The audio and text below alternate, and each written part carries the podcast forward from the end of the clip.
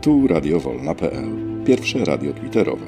Tworzymy interaktywne, bezpieczne medium obywatelskie z udziałem gości i słuchaczy, z miejscem na wymianę myśli i poglądów. Słuchamy innych i rozmawiamy.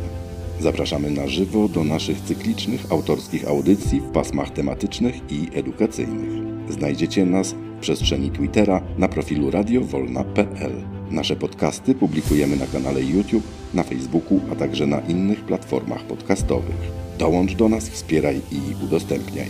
Zapraszamy do odsłuchania audycji. Witamy w radiowolna.pl, w pierwszym radiu twitterowym. Dzisiaj jest czwartek, 13 dzień kwietnia 2023 roku. Witam wszystkie przybyłe osoby.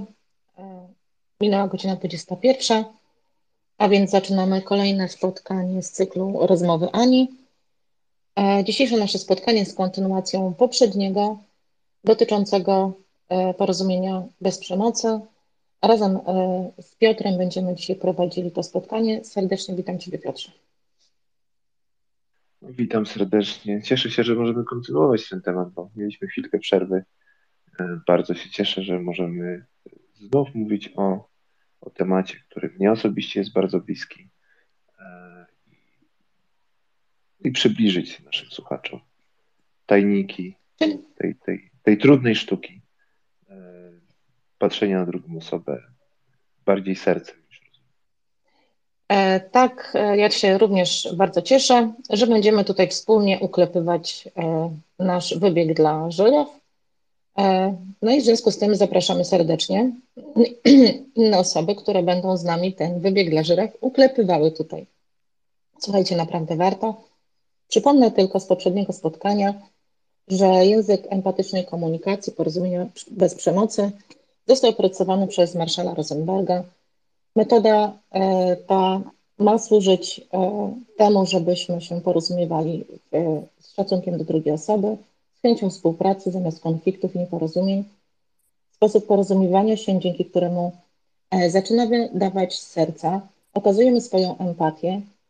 Język ten opiera się na zdolności wyrażania własnych uczuć i potrzeb, a także zrozumienia uczuć i potrzeb drugiej osoby, z którą się porozumiewamy bez względu na to, w jakiej jesteśmy sytuacji i jaką postawę wyraża ta osoba. E, dzisiaj jeszcze tak na początek byśmy mogli, e, Piotrze, chwilę porozmawiać e, na temat w ogóle samego pojęcia, bo to jest taka kwestia, która mi przyszła też do głowy. Porozumienie. Porozumienie bez przemocy i to w ten sposób jest tłumaczone na język polski. Mm, czy ona w pełni oddaje jakby tą całą ideę, którą opracował Rosenberg? Czy może być porozumienie bez przemocy?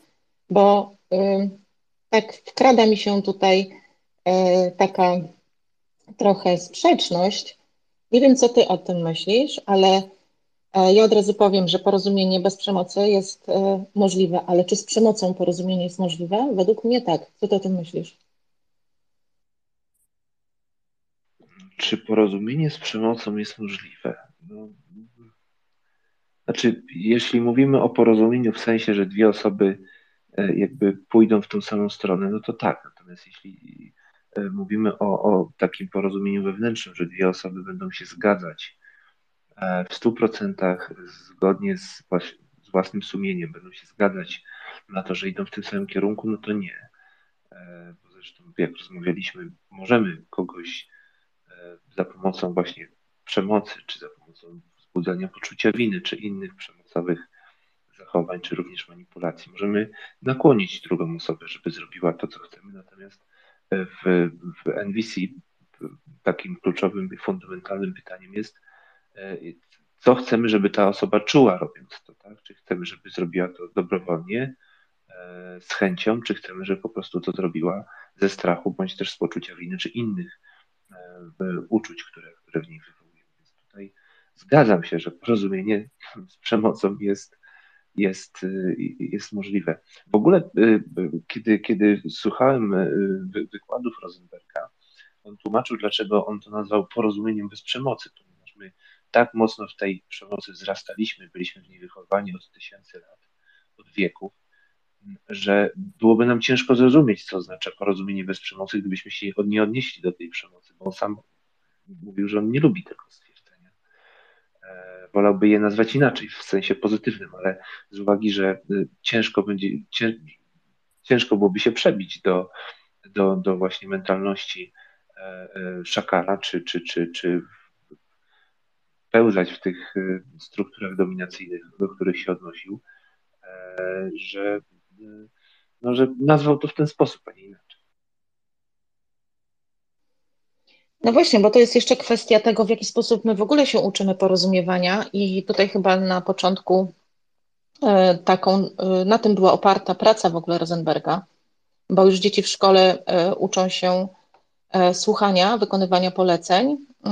Według niego już to jest taką postawą, która jest, można powiedzieć, zaprasza do takiej stosowania takiej przemocy, tak? Czyli mówimy nie tylko o przemocy e, werbalnej, ale również tej niewerbalnej, czyli w momencie, kiedy e, zaprzeczamy e, naszym uczuciom, naszym potrzebom, albo ich nie, nie słyszymy naszych potrzeb i zaprzeczamy naszym uczuciom, nie wsłuchujemy się w nasze emocje, już sami na poziomie jakimś instytucjonalnym, takim jak na przykład szkoła, stwarza właśnie taką E, taką właśnie sytuację. E, I e, tutaj właśnie ta kwestia nieuczenia się w tej komunikacji. Komunikacja w szkole jest jednostronna, bo część swojej pracy opiera właśnie na, na dzieciach, to jak one funkcjonują, w jaki sposób są tego uczone, prawda?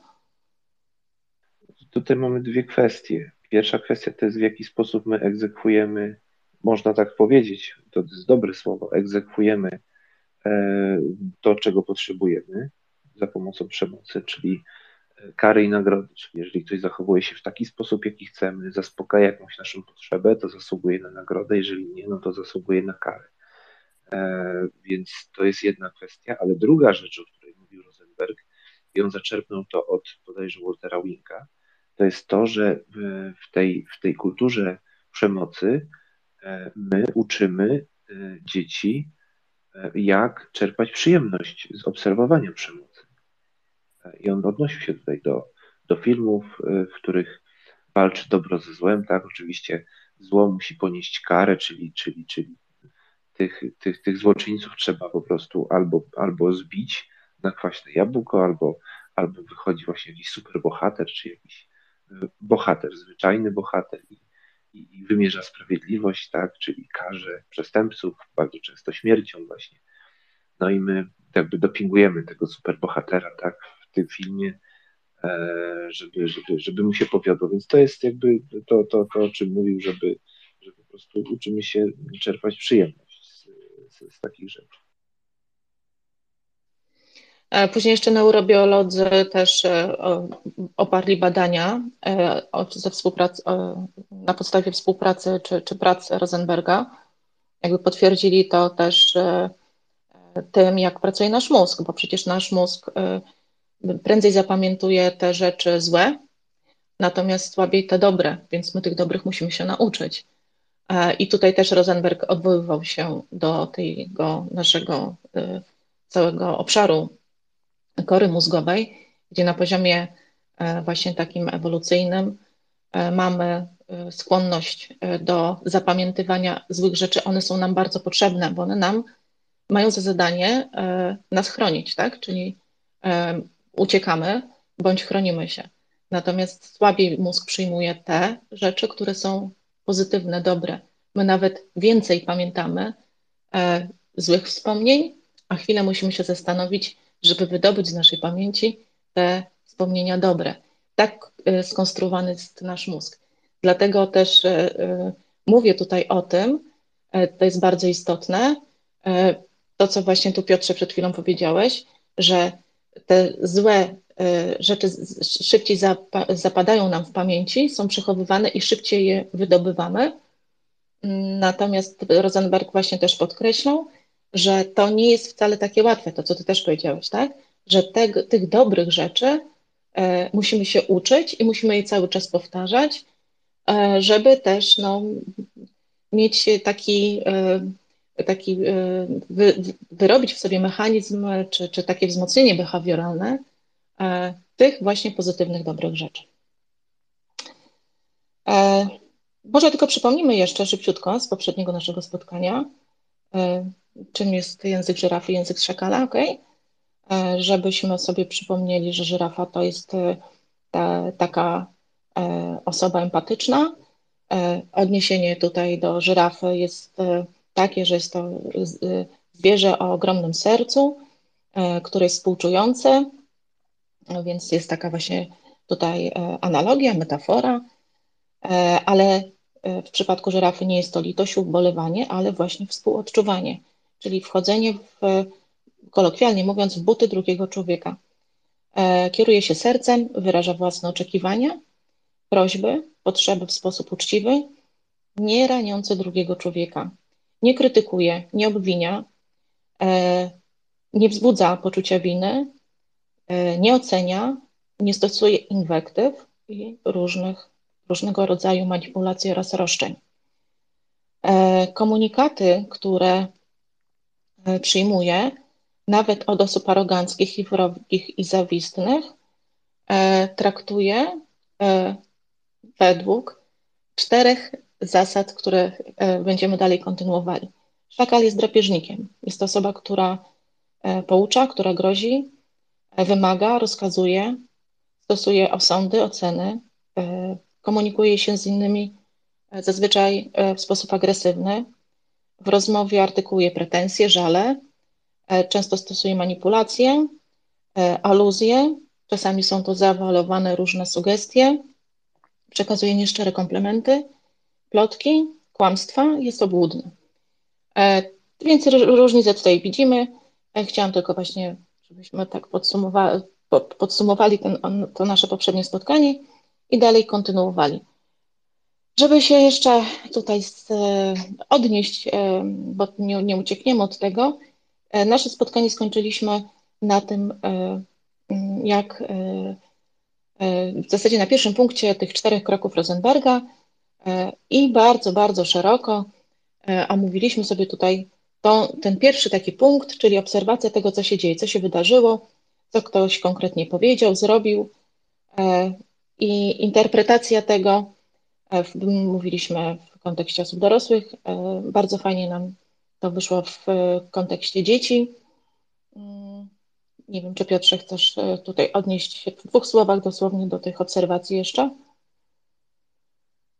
Znaczy, to w ogóle jest bardzo dobry trening i bardzo pomocny w życiu, bo kiedy e, umiemy mm, odnosić się do faktów, dajemy, i to też Rosenberg o tym mówi, dajemy przestrzeń drugiej osobie, żeby, żeby spojrzała e, na sytuację właśnie w sposób nie, nie, nie, nie agresywny, nie defensywny przede wszystkim. W momencie, e, gdy wystosowujemy pewne oceny e, czy, czy, czy różnego rodzaju e, diagnozy wobec tego, co robi druga osoba lub co mówi, to możemy bardzo szybko spotkać się z takim defensywnym e, zachowaniem, tak? I nie ma w tym, w, tym, w tej sytuacji, nie ma w tym przestrzeni na to, żeby właśnie to porozumienie, o którym mówiliśmy, żeby uzyskać. Więc tak jednym zdaniem mówiąc, jest taka czysta obserwacja faktów e, jest, jest takim fundamentem e, do, do dalszego budowania porozumienia w procesie, który zapro, zaproponował Rosenberg. E, jeżeli zamiast czystej obserwacji przekażemy drugiej osobie pewne zarzuty, czy, czy próby odgadywania tego, jakie ma intencje ta osoba, czy inne rzeczy, które są agresywne, to odbieramy sobie automatycznie dalej przestrzeń na to, żeby to porozumienie uzyskać, ponieważ jeżeli mówimy do drugiej osoby, że jesteś wobec mnie opryskliwa, co jest oceną, to ta osoba mówi nie, ja tylko y, y, w sposób y, y dobitny y, pokazuje, mówię o co mi chodzi, tak? czyli ma, automatycznie pokazuje, że ma zupełnie inne spojrzenie na swoje własne zachowanie. I ocena, nawet jeżeli trafna, nawet jeżeli ta diagnoza, o której mówi Rosenberg, ona jest trafna, to nadal jest diagnoza i możemy się spotkać z tym, że druga osoba będzie miała totalnie inne spojrzenie na to, w jaki sposób my postrzegamy jej zachowanie. Najczęściej tak jest, bo ego też się broni. Po prostu przeważnie tak tak reagujemy na, na, różnego rodzaju ataki w naszą stronę, automatycznie się bronimy, dochodzi do konfliktu. Nie ma tutaj przestrzeni na porozumienie, więc ja uważam, że to jest absolutny fundament i bardzo często nawet już nie znając kolejnych kroków, o których będziemy mówili, w rozmowach, posługując się tylko i wyłącznie faktami, e, wpływamy na bardzo dobre, dobre budowanie relacji e, pomiędzy dwojgiem ludzi. Czy my się znamy, czy my się nie znamy, czy to są relacje osobiste, zawodowe, czy powiedzmy takie przypadkowe, incydentalne z kimś w sklepie, e, zupełnie inaczej jesteśmy w tej sytuacji odbierani. Także mm, polecam trenowanie e, czyst, takiej, takich faktów, czystej obserwacji i, i, ćwiczenie tego w sobie, bo to, to, to tylko to robi bardzo dużą różnicę, jeśli chodzi o odbiór e, nas przez, przez ludzi wokół. Tak ładnie się mówi wzmocnienie behawioralne. E, no właśnie, ta obserwacja, ta obserwacja, która jest kluczowa, tak naprawdę, przepraszam, pierwszym krokiem do komunikacji. Czyli e, ja widzę to tak, że e, obserwuję jakieś zachowanie, wypowiedź jakiejś osoby, tak jakbym nagrywała to kamerą, prawda? Czyli włączenie kamery, a nie nakładanie własnych jakichś filtrów na to, co, co, da, co się akurat w danej sytuacji dzieje. To jest chyba taka dość, e, myślę, wydaje, obrazowa, e, łatwa do wyobrażenia sobie właśnie sytuacja, tak? Kamera, e, czyli włączamy kamerę i nie interpretujemy, czyli nie osądzamy, gdy ktoś mówi, czy druga osoba chciałaby na przykład usłyszeć główne, głównie obwinianie i krytykę już na samym początku, wtedy już możemy powiedzieć, że ta komunikacja nie będzie przebiegała w sposób taki konstruktywny. E, co jeszcze? Jeszcze jedna rzecz na początek. Dlaczego my w ogóle o tym mówimy? Dlaczego to jest takie ważne? E, takie mm, powiedzenie, które przewija się przez e, w różnych takich dyskusjach, analizach, jeśli chodzi o, o całą tą szkołę Rosenberga, to jest pytanie, czy chcesz mieć rację, czy chcesz mieć relację, prawda? I to się też właśnie odnosi do tego, że e, komunikacja bez przemocy nie załatwia sprawy tu i teraz. To nie jest tak, że w tym momencie jesteśmy w stanie e, już zbudować sobie konstruktywną relację z drugim człowiekiem. Już możemy się z nim komunikować tak jak z tym płaczącym dzieckiem, które leży na podłodze w sklepie i chce jakąś zabawkę. My w tym momencie musimy zaobserwować, co to musimy, tak? Czyli jakby pochylamy się nad tym, czy, y, czego ta osoba chce, czego to, to dziecko się domaga, ale nie do końca e, mamy, musimy mieć świadomość, że tą sytuację załatwimy tu i teraz. To jest budowanie relacji. E, czyli ta komunikacja nie odnosi się do tego, żeby w tym momencie e, załatwić jakiś problem, jest budowaniem relacji. Czyli możesz mieć rację, możesz mieć relację. Nie wiem, czy się ze mną zgodzisz. Poruszyłaś bardzo ważną kwestię. E, to jest kolejny taki obszar, w którym e, właśnie zostawiamy drugiej sobie przestrzeń też do takiej autorefleksji nad tym, co zrobiła. Bo w momencie, kiedy, um, kiedy idziemy na wymianę, tak, kiedy osoba powiedzmy, zachowuje się w jakiś sposób agresywny w stosunku do nas i my reagujemy na to w sposób agresywny, nie zostawiamy tej osobie przestrzeni do refleksji. Wręcz przeciwnie, potwierdzamy oczekiwania tej osoby czy jakieś predykcje co do tego, jacy my jesteśmy. E, też przy udziale samospełniających się przepowiedni. E, w takim bardziej potocznym języku, który ja poznałem w biznesie, to się to jest taki syndrom te, TMCS, teraz cię mam sukinsyn. Także zachowujemy się w stosunku do kogoś prowokacyjnie, zachowujemy się w sposób agresywny i ta osoba zachowuje się e, agresywnie również w stosunku do nas i sobie myślimy, aha, czyli jednak, tak, a, czyli, czyli taki jest, tak, więc to, więc to, e, więc to nie pomaga w żaden sposób.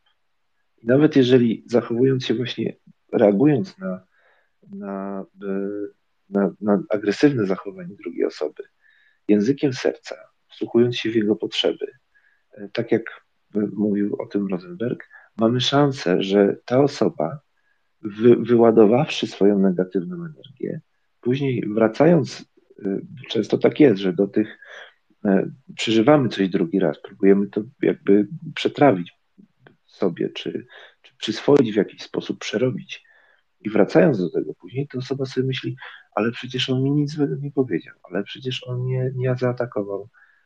I mamy szansę, że w drugiej, kolejnej rozmowie z, z tą osobą e, spotkamy się nie tylko z zupełnie innym podejściem do naszej osoby, ale zostawimy właśnie, nie atakując tej drugiej osoby, zostawimy przestrzeń na powiedzenie przepraszam. I to się świetnie sprawdza właśnie w takich trudnych rozmowach, e, gdzie, gdzie, gdzie mamy do czynienia na przykład z, z, z biznesem, z rozmowami bardzo często ciężkimi. Mam okazję pracować z, z, z ludźmi, którzy rozmawiają z klientami na tak zwanym e, telefonie, tak, czy tam infolinii, tak powiedzmy sobie, infolinii, e, z klientami, którzy coś chcą, żeby załatwić, mają jakąś potrzebę i, i pracujemy nad słuchaniem tych potrzeb. E, I sytuacje jakieś bardzo y, napięte zdarzają się bardzo często do, do, do różnego rodzaju awantur, krzyków, e, gdzie, gdzie jakby agresywne zachowania bardzo często pojawiają się z, z dwóch stron. A praca polega na tym, aby właśnie ten doradca, który spotyka się z agresywną postawą ze strony klienta, nie oddawał po prostu tej negatywnej energii, słuchał jego potrzeb i zachowywał się w sposób, powiedzmy to, profesjonalny. I bardzo często właśnie zdarza się, że dostaję feedback od takiej osoby, że no, wiesz co, no, jakby nie poszłam w sukurs temu człowiekowi i okazało się, że on po prostu następnym razem nie przeprosił za swoje zachowanie. A gdzie wcześniej to się, to się jakby no, nie działo, bo pomimo, że starałem się zachowywać profesjonalnie, to przemycałem jakieś elementy właśnie passive-aggressive e, do, do, do, do tej komunikacji z tym człowiekiem. I to, i to no, o czym mówiłaś właśnie, to właśnie buduje, to właśnie buduje relacje. E, bo relacje nie buduje. Sytuacja, w której jest super, jest świetnie, pięknie i nic się złego nie dzieje, tylko tak naprawdę każdy sobie z nas przemyśli, jak zbudował jakąś fajną relację z drugą osobą, e, zresztą to się chyba mówi, zjeść beczkę soli z kimś, tak, czy, czy, czy. E, więc kiedy budujemy relacje z drugą osobą, to te właśnie te kwaśne rzeczy, te niedobre, te takie um, trudne, one jakby pomagają te relacje budować, one są mocniejsze, one są bardziej, mają taką lepszą definicję. Nie wiem, czy się zgodzisz ze mną. No, oczywiście tak. E, ja tutaj zapraszam e, naszych gości do rozmowy, do dyskusji, do wymiany poglądów. E, dlaczego może macie jakieś swoje własne y, sytuacje, przemyślenia, może po ostatnim spotkaniu zastosowaliście jakąś, y, powiedzmy, jedną z tych pierwszych metod i, i to w jakiś sposób otworzyło Wam szerszą perspektywę. My mówimy o tym, że stosując y, porozumienie bez przemocy pozbywamy się przede wszystkim starych nawyków, nie broniąc się odruchowo, nie wycofując się, nie atakując, właśnie budujemy tą relację. Słuchajcie, zapraszamy do, do dyskusji. To Piotrze, myślę, że możemy tutaj o tej obserwacji e, powiedzieć, chyba już wyczerpaliśmy dość, e, dość temat, ale pewnie wrócimy do jakichś tutaj e, przykładów, jeżeli ktoś będzie miał ochotę do nas dołączyć. Czyli jest różnica między interpretacją, osądem, a faktem. Czyli skupiamy się na fakcie, faktem jest e, taki zwrot, na przykład, e, który dzisiaj ja zastosowałam do mojej córki. Powiedziałam, zaproponowałam, żebyś wyniosła śmieci, powiedziałeś, że je wyniesiesz wczoraj wieczorem do tego i te, do, i do teraz tego nie zrobiłaś. Czy to jest fakt, czy to jest osąd? Jest to fakt, dlatego że dałam przestrzeń na to, żeby w jakiś sposób się do tego odniosła. Mogłabym powiedzieć, że za każdym razem, kiedy o coś Cię proszę, nie mogę na Ciebie liczyć. To już nie jest osąd, tak? E, to już nie jest fakt, jest to osąd, jest to interpretacja moich uczuć. I co dalej za tym się kryje? Kryją się właśnie te moje uczucia. E, uczucia. Uczucia i emocje. To jest jeszcze taki bardzo ważny aspekt, o którym chciałabym tutaj szybciutko powiedzieć, bo emocje i uczucia się troszeczkę nam mogą zlewać, a dobrze by było je rozgraniczyć. E, emocje pochodzą głównie z układu limbicznego i są najbardziej prymitywną częścią naszego mózgu. E, z drugiej strony mamy te uczucia, to są e, to jest obszar płatów czołowych. Innymi słowy, uczucia wynikają z takiego myślenia bardziej abstrakcyjnego.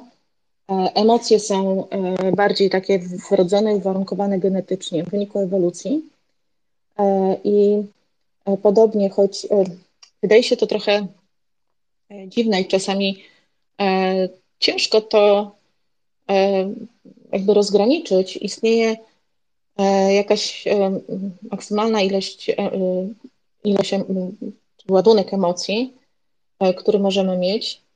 Nie ma jednak maksymalnej liczby uczuć, czyli to, to, co odczuwamy. I w rzeczywistości definiuje się uczucia jako coś, co jest następstwem emocji. Podczas gdy emocje definiujemy w sposób taki właśnie psychologiczny, uczucia pochodzą właśnie z interpretacji wydarzeń i naszych wrażeń.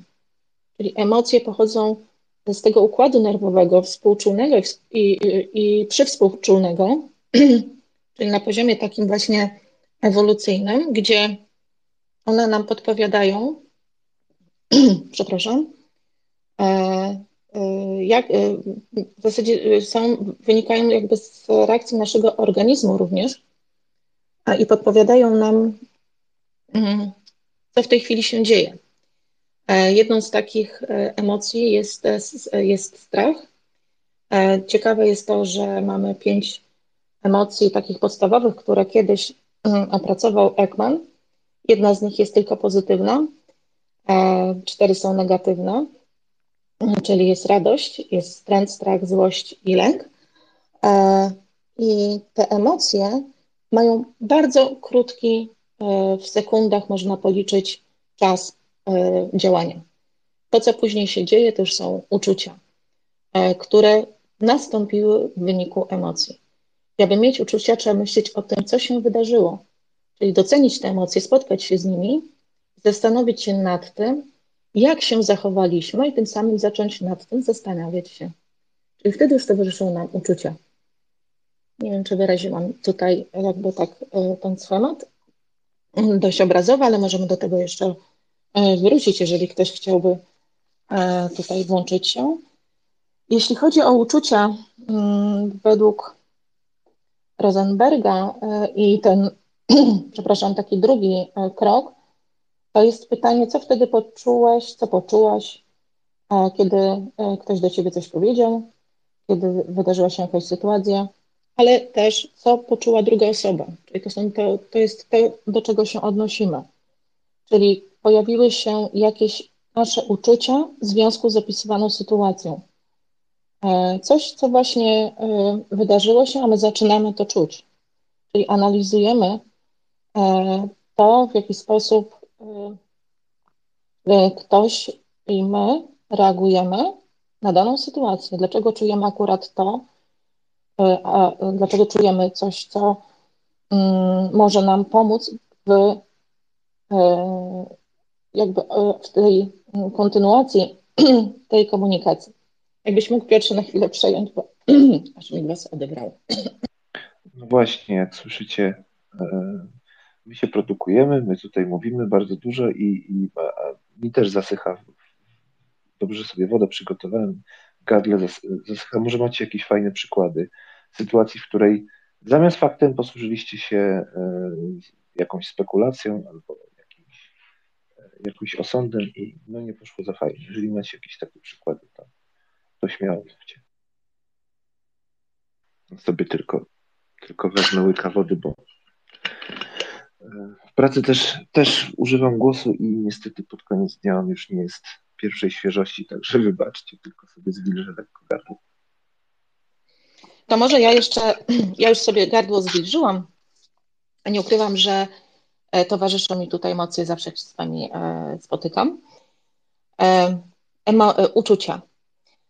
Uczucia to, są, to jest też jeszcze jedna ważna kwestia w szkole Rosenberga, który podkreśla, że odpowiadamy za własne uczucia. Zawsze odpowiadamy za własne uczucia i ponosimy odpowiedzialności za uczucia innych. E, I to jest chyba ten taki jeden z ważnych aspektów w tym mm, kroku, czyli nawet jeżeli e, widzimy e, jakąś sytuację, której towarzyszymy, to mamy mm, dostęp do własnych uczuć, czyli odpowiadamy za to, co my czujemy, nie ponosimy odpowiedzialności za to, co czuje druga osoba. Ważne jest, żeby mówiąc o tych uczuciach, właśnie nie mylić ich z tym,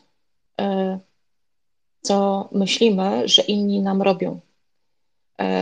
Właśnie w tym porozumieniu bez przemocy te słowa, którymi wyrażane właśnie są uczucia, e, odróżnia się od słów i zadań, w których jest właśnie zawarta ta interpretacja cudzych zachowań oraz opis naszych myśli. Jest to dość takie skomplikowane, ale to za chwilę pewnie jeszcze to e, rozwiniemy, żebyśmy wiedzieli, czym są właśnie te uczucia i czemu one służą i jak są ważne, żeby e, mieć tutaj świadomość odpowiedzialności za własne uczucia i świadomość uczuć tej drugiej osoby. Nie wiem, Piotrze, też jeszcze tutaj do tego chciałbyś dodać? Znaczy, kwestia uczuć to jest taka bardzo prosta sprawa. E, znajomość własnych uczuć i w ogóle zachęcam do Mm, do tego, aby zapoznać się właśnie z tymi podstawowymi emocjami, o których Beckmana, o, którym, o których mówiła Anna, oraz listą uczuć, bo ona jest, ona została ustalona, lista uczuć, aby umieć nauczyć się nazywać swoje uczucia, z tego względu, że mm, kiedy umiemy nazywać swoje uczucia, jesteśmy w stanie e, jakby dotrzeć do tego, co w nas co w nas wewnątrz jest żywego. Czyli jeżeli ja wiem, że, że dane zachowanie albo dana sytuacja spotyka się z moim smutkiem albo mnie irytuje, ja jestem w stanie y, zidentyfikować, co tak naprawdę się ze mną dzieje w danym momencie. Jeżeli jestem w stanie się y, zidentyfikować, co się ze mną dzieje w danym momencie, jestem w stanie zupełnie inaczej na to reagować, niż może nie reagować, wybierać, w jaki sposób zareaguję, a nie tylko pozostawiać się siebie samego do, wobec reakcji, bo najczęściej ta reakcja jest adekwatna do tego, e, co, co nas spotyka, czyli na, na, na akcję agresywną jest agresywna reakcja, czy agresywna obrona. W związku z czym, wiedząc, co się z nami dzieje, wiedząc, że w danym momencie odczuwam irytację, odczuwam złość, odczuwam smutek, odczuwam żal, jestem w stanie e, zupełnie inaczej zareagować na daną sytuację. To jest bardzo kluczowe. W sytuacjach szczególnie, kiedy spotykamy się z agresją innych osób.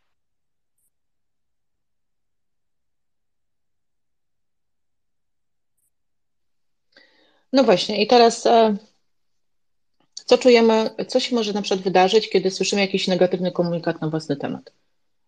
Bo może mm, byśmy w ten sposób tutaj się odnieśli do e, takich przykładów, tak?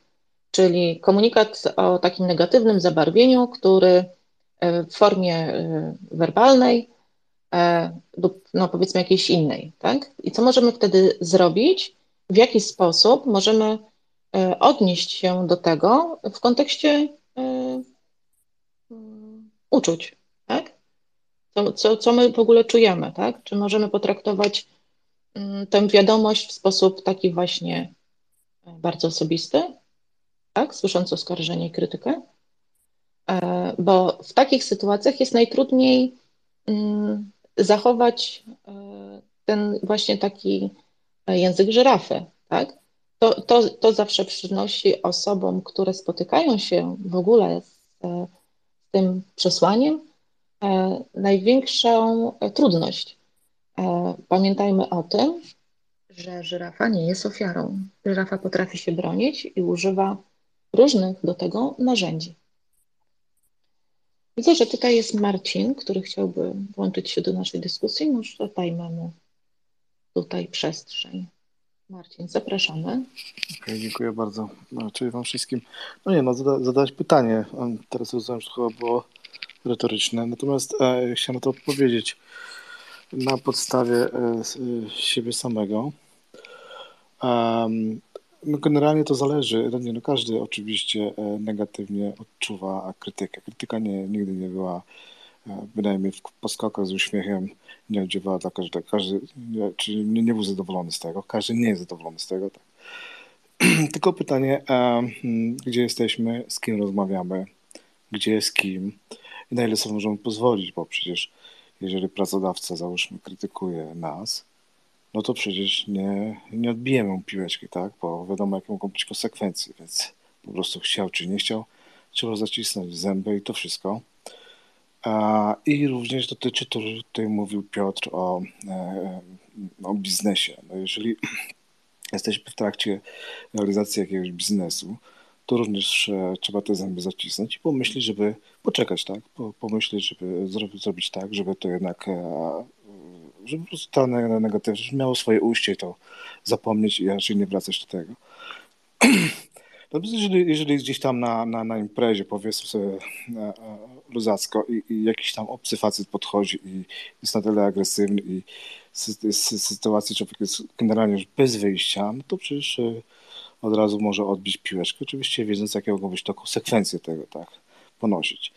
Trudno rozmawiać, jak my teraz rozmawiamy, tak, przez telefon, więc e, chciałby się od razu odpowiedzieć, to na osoba również nawet nie skończy powiedzieć, albo tak samo te głosy się nachodzą, no i, i, i wychodzi z tego, że jakby to byłaby kłótnia, więc inaczej się rozmawia e, e, na żywo w danej sytuacji, a inaczej się rozmawia telefonicznie, tak, jeżeli na przykład e, znam daną osobę, to więc wiem, że e, jak poczekam, to jak się no, wyżyje na mnie, to nie, nie wyłączy telefonu i, i, i będzie oczekiwało mojej odpowiedzi, więc e, sobie poczekam, tak. Ale są też takie osoby, które po zaraz wyłączają się i a, a jakby no a, a później no, muszą, muszą, muszą po prostu odpocząć od tego, tak. Więc e, tej rozmowy w ogóle nie ma, więc e, generalnie krytyka każdy źle odnosi, znaczy ją odczuwa i, i ją znosi tylko to zależy od sytuacji, na ile sobie możemy e, e, powto, e, na ile sobie możemy mm, mm, pozwolić, bo ponieważ jak powiedziałeś, żyrafa nie jest ofiarą. Dobra, to dzięki za głos. Marcin, kiedy opowiadałeś o, bo padło dużo rzeczy. Pierwsza, która mnie tak, y, ją wychwyciłem i mnie zaalarmowała, to jest o sytuacji bez wyjścia jeżeli mówimy o sytuacji, kiedy ktoś podchodzi i już następuje atak fizyczny, tak, no to jest sytuacja, w której musisz jakoś zareagować w ułamku sekundy, żeby się w jakiś sposób uchronić przed, przed krzywdą, czy, czy nie wiem, ruszyć do ucieczki, cokolwiek. No to e, znaczy w języku żerafy nie ma sytuacji bez wyjścia, bo według Rosenberga zawsze mamy wybór. Możemy albo na przykład postawić opór e, napastnikowi, albo możemy po prostu jakoś uciec, uciec albo, albo próbować uciec, czy, czy, czy, e, czy, czy zrobić cokolwiek innego, żeby po prostu nie podejmować walki. Tak? Natomiast przeważnie jest tak, że przed w sytuacji, kiedy ktoś jest w stosunku do nas agresywny, jest zawsze jakiś moment krótki na, na taki, można powiedzieć, element negocjacji, czy próby rozładowania sytuacji, i w języku żyrafy, żyrafy jakby mają taką naturalną zdolność do robienia tego. Mi się to wielokrotnie udało. Ja wielokrotnie uniknąłem bójki właśnie przez to, że nie spełniałem oczekiwań napastnika, bo bardzo często napastnik oczekiwał, że ja będę wobec niego agresywny, że dam mu pretekst do tego, żeby mnie zaatakował. Ja tego po prostu nie robiłem i obyło się bez bójki właśnie tylko dlatego. Więc y, w tym kontekście nie mówiłbym o sytuacji bez wyjścia do momentu, kiedy jakby się nie zacznie, tak? Natomiast nawet w tej sytuacji ja też uważam, że mamy wybór, czyli mamy różne wyjścia, czyli albo możemy powiedzmy pójść w clinch, tak, z takim e, przeciwnikiem, oceniając swoje szanse powiedzmy wizualnie, jak wyjdziemy z takiego starcia, albo po prostu jakby odpalić e, najbardziej skuteczny chwyt judo według Pawła Nastuli, czyli nogi zapas, tak. I, i, i też jakoś okay, wyjdziemy Piotrze, to ja rozumiem, że mówisz to o umiejętności unikania, tak? Tak, o unikaniu mówię. Natomiast yy, spotykając się z agresją drugiej osoby, właśnie wiedząc, że jeżeli ja jestem świadomy swoich, yy, swoich emocji i swoich uczuć, to ja wiem, że na przykład w sytuacji, kiedy ktoś agresywnie się zachowuje w stosunku do mnie i wiem, że może mnie zaatakować, to co ja mogę odczuwać? Mogę odczuwa, odczuwać na przykład złość, że ktoś kieruje jakieś obelgi w stosunku do mojej osoby. Mogę odczuwać strach, czyli obawę o siebie, że może mi zrobić coś złego. Na przykład to są takie dwa uczucia.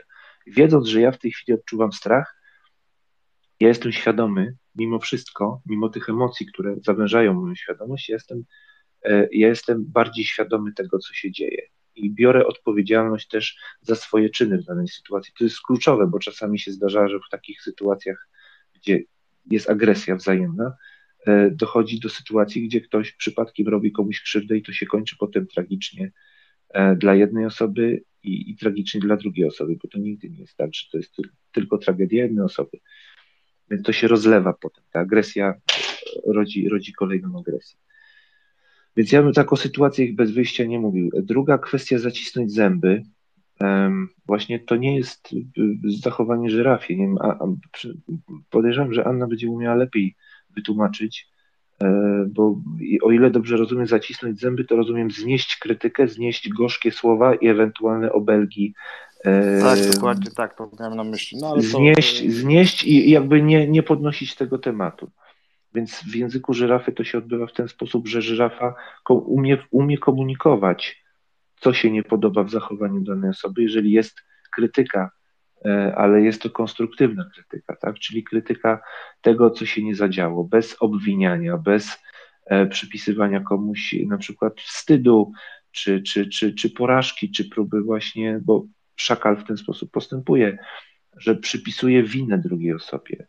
E, w tej sytuacji, obwinia kogoś za jakieś niepowodzenie. E, jeżeli to jest konstruktywna krytyka tego, co ta osoba zrobiła, tak, i e, jaki to mogą mieć wpływ na sytuację, no to ta, taki pracownik, jeżeli dostanie od szefa taki feedback, on nie będzie tego brał do siebie, bo to, to, to są to naprawdę zupełnie, zupełnie różne feedbacki. Anno, z tymi zaciśniętymi zębami, jakbyś mogła się odnieść do tego?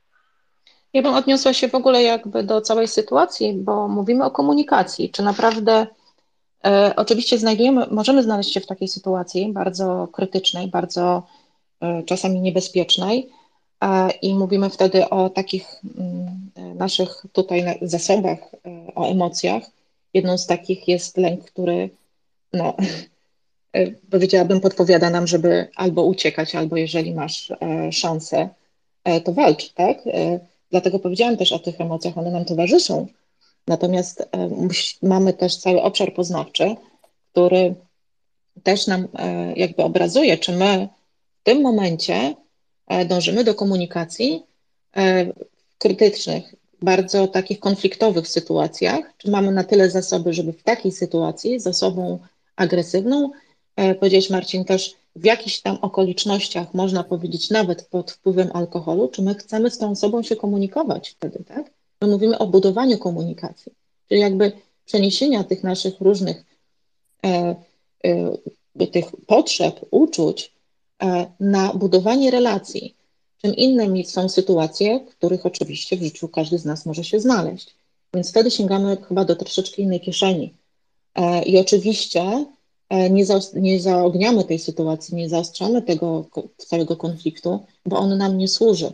Czyli sięgamy zupełnie po inne nasze zasoby. Czasami właśnie e, no, e, język żyrafy też jest wykorzystywany w negocjacjach, ale, ale to wtedy, kiedy dwie osoby mają rację, tylko że mówią w taki sposób, że ta druga osoba nie jest w stanie jej zrozumieć. Tak?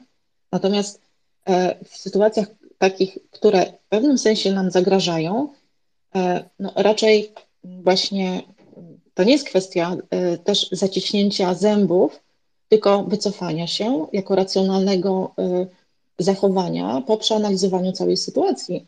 I teraz, właśnie w tym momencie, zadajmy sobie pytanie, czy to zaciśnięcie zębów jest taką metaforą, że ja mm, jestem w roli, e, nie wiem, na niższej pozycji, w roli przegranej, osoby, która ucieka, ofiary?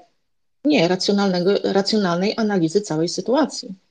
Ja w ten sposób y, bym to zanalizowała, natomiast y, nie w kontekście tego, żeby nadać e, mojemu zachowaniu te cechy, które w jakiś sposób mnie deprecjonują. To już tutaj się zadziało, czyli zaciśnięcie zębów jest e, postępowaniem wbrew temu, co chciałbym zrobić. A co chciałbym zrobić, Marcin? E, jeszcze raz, przepraszam.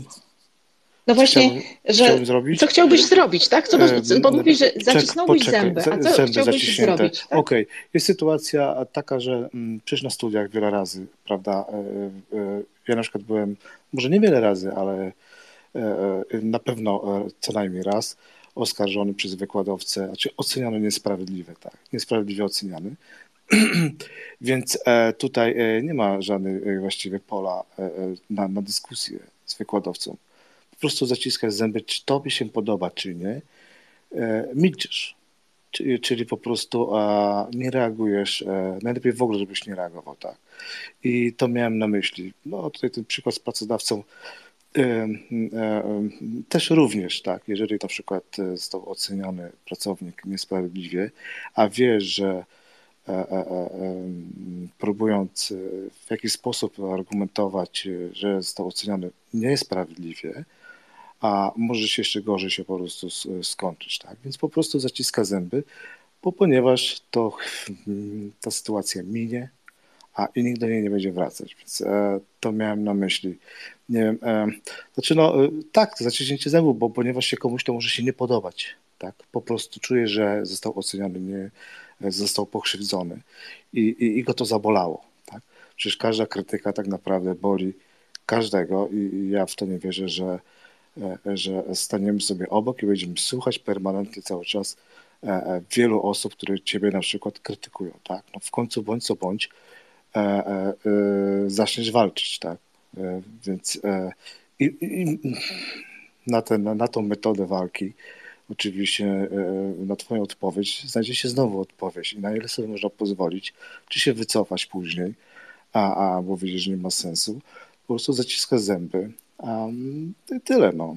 Także e, to, to miałem na myśli. Nie, nie wiem, do czego ty zmierzasz. Ja jeszcze posłucham ciebie, Aniu. Postaram się odpowiedzieć, dobrze? Mnie w ogóle czyli... zastanawia w takiej sytuacji, kiedy ktoś sprawia mi ból. No ja powiedzmy mogę zacisnąć zęby i znieść ten ból, bo no, w końcu ten człowiek przestanie mi zadawać ból. Ale pytanie, co kiedy ta osoba będzie mi częściej zadawała ból? E, mam znowu zacisnąć zęby. Pytanie, kiedy ja właśnie pęknę, tak? Więc e, niereagowanie na sytuację, kiedy ktoś zadaje ci ból, e, no, dla, bardzo często są, bywają też zachętą dla drugiej osoby do tego, żeby ten ból ci sprawiała. Więc jeżeli mam szefa, który powiedzmy w bardzo krytyczny sposób na mnie, na mnie wpływa, to wiedząc w jaki sposób, bo to też jest pewna sytuacja konfliktu, konfliktu interesów, czy takiego konfliktu osobistego, że szef ma do mnie jakiś ale, też wyrabia sobie na mój temat negatywną opinię, gdy wciąż mnie krytykuje, a ja też jakby nie pokazuję jakby charakteru bronienia, nie bronię swoich racji, to tym bardziej może jeszcze pogłębić taką sytuację. Taki szef z jednej strony ma konflikt taki, że ma pracownika, który uważa, że jest złym pracownikiem, a z drugiej strony ja uważam, że mam złego szefa i dochodzi do konfliktu. Co więcej, wpadamy w tym momencie w różnego rodzaju pułapki, jak chociażby e, pokojowe współistnienie, że udajemy, że się nic nie stało. To jest jedna z pułapek, którą wpadamy w, w przypadku nierozwiązanych konfliktów.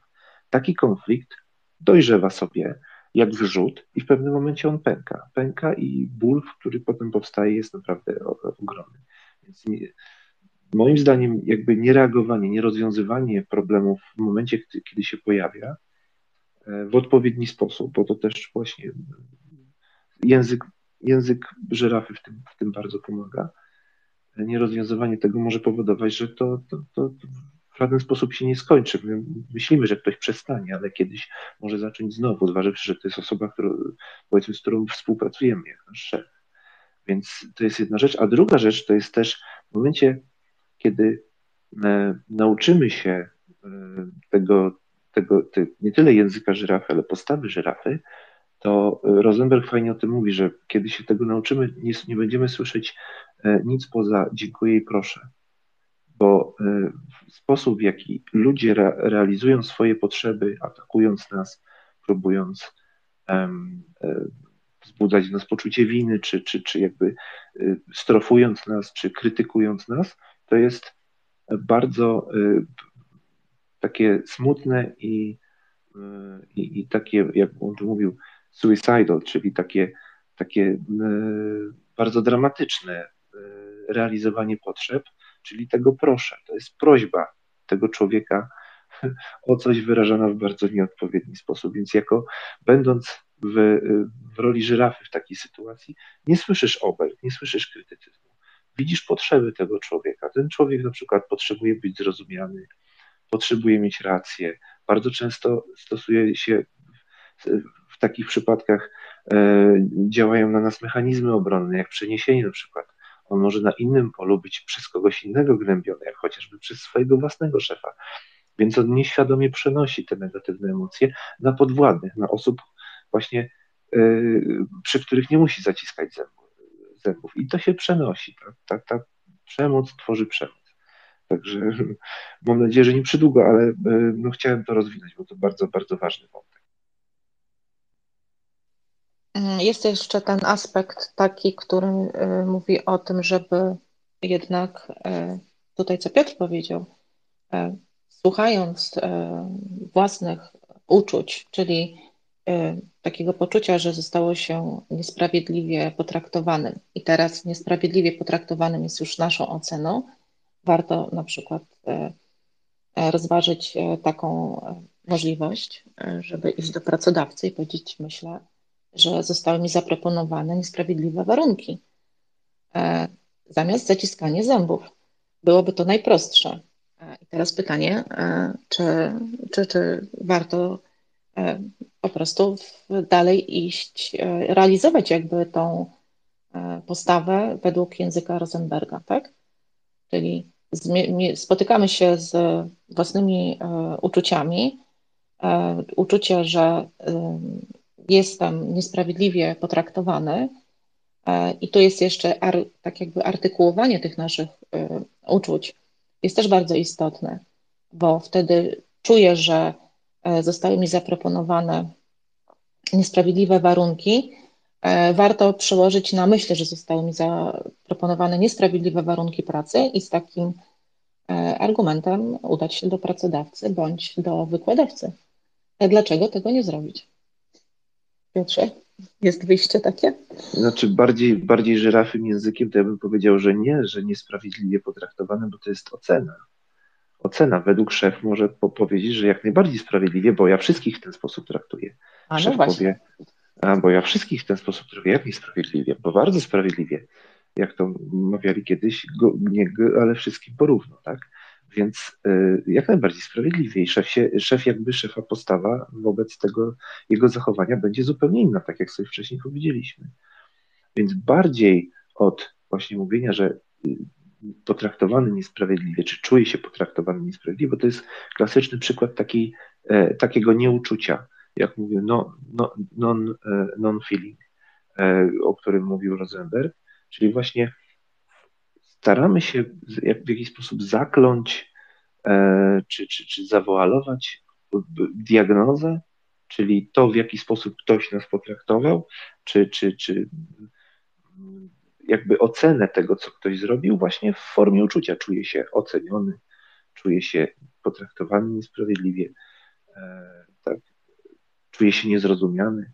To, to jest wprost diagnoza, nie zrozumiałeś się, czuję się oceniony, oceniłeś mnie, czuję się właśnie potraktowany niesprawiedliwie, potraktowałeś mnie niesprawiedliwie. To są, to są właśnie takie typowe właśnie oceny e, czy, czy próby, próby diagnozy, które woalujemy w postaci, w postaci uczuć. Więc wracając do, do, do, do meritum, zamiast powiedzieć nie, niewłaściwie potraktowany czy niesprawiedliwie, ja bym powiedział, że warunki dla mnie są niekorzystne albo nie, nie podobają mi się te warunki, albo no, jakby odnieść to bardziej do samego siebie, do własnej, do własnych odczuć wobec tego, a nie y, do drugiej osoby, czyli, czyli, czyli klasycznie komunikat ja, tak? Czuję, że te, że czuję, uważam te warunki, e,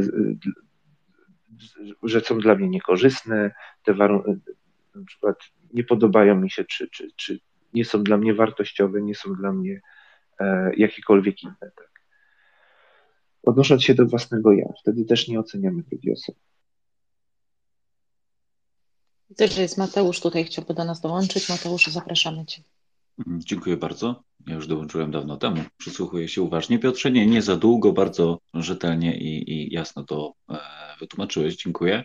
E, ja dodałbym tylko jedno słowo, że, e, że trzeba wyznaczyć granice.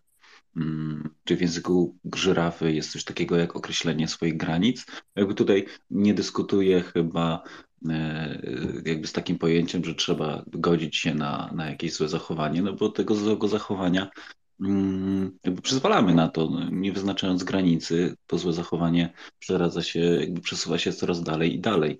I widzimy to zarówno i w domu, i w pracy, zarówno tutaj na Twitterze. Jeżeli nie reagujemy na hejt, ten hejt y, staje się językiem popularnym. A jeżeli jest popularny, to wszyscy go używamy, przyzwyczajamy się do niego i potem nikt już na niego nie zwraca uwagi. Dlatego e, jakby wyznaczanie granic moim zdaniem tutaj mm, jest dobrym pytaniem.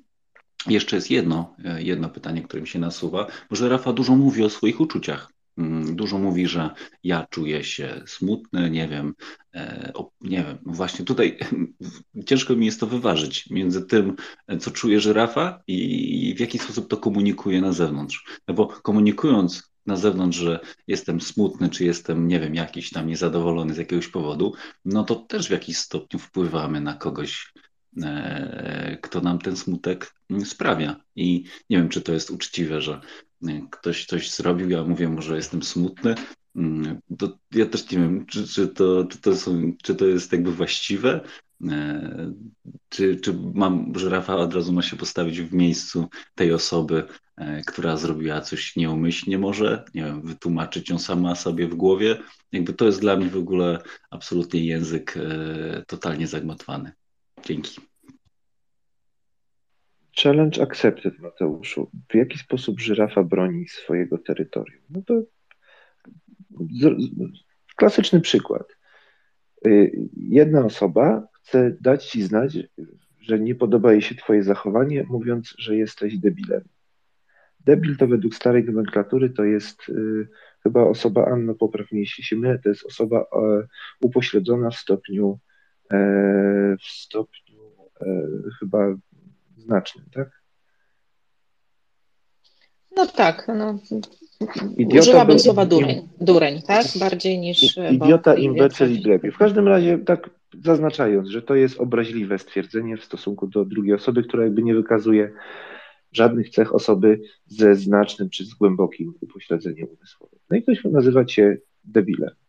E, I zamiast mówić e, weź i tak dalej, czy zachowując się również w sposób agresywny w stosunku do drugiej osoby, odbijając piłkę i nazywając tą osobę w sposób obraźliwy, e, albo na przykład za pomocą passive aggressive, czyli co mama nie nauczyła cię dobrych manier, tak? bo to też jest forma agresji, tylko takiej właśnie pasywnej, passive aggressive.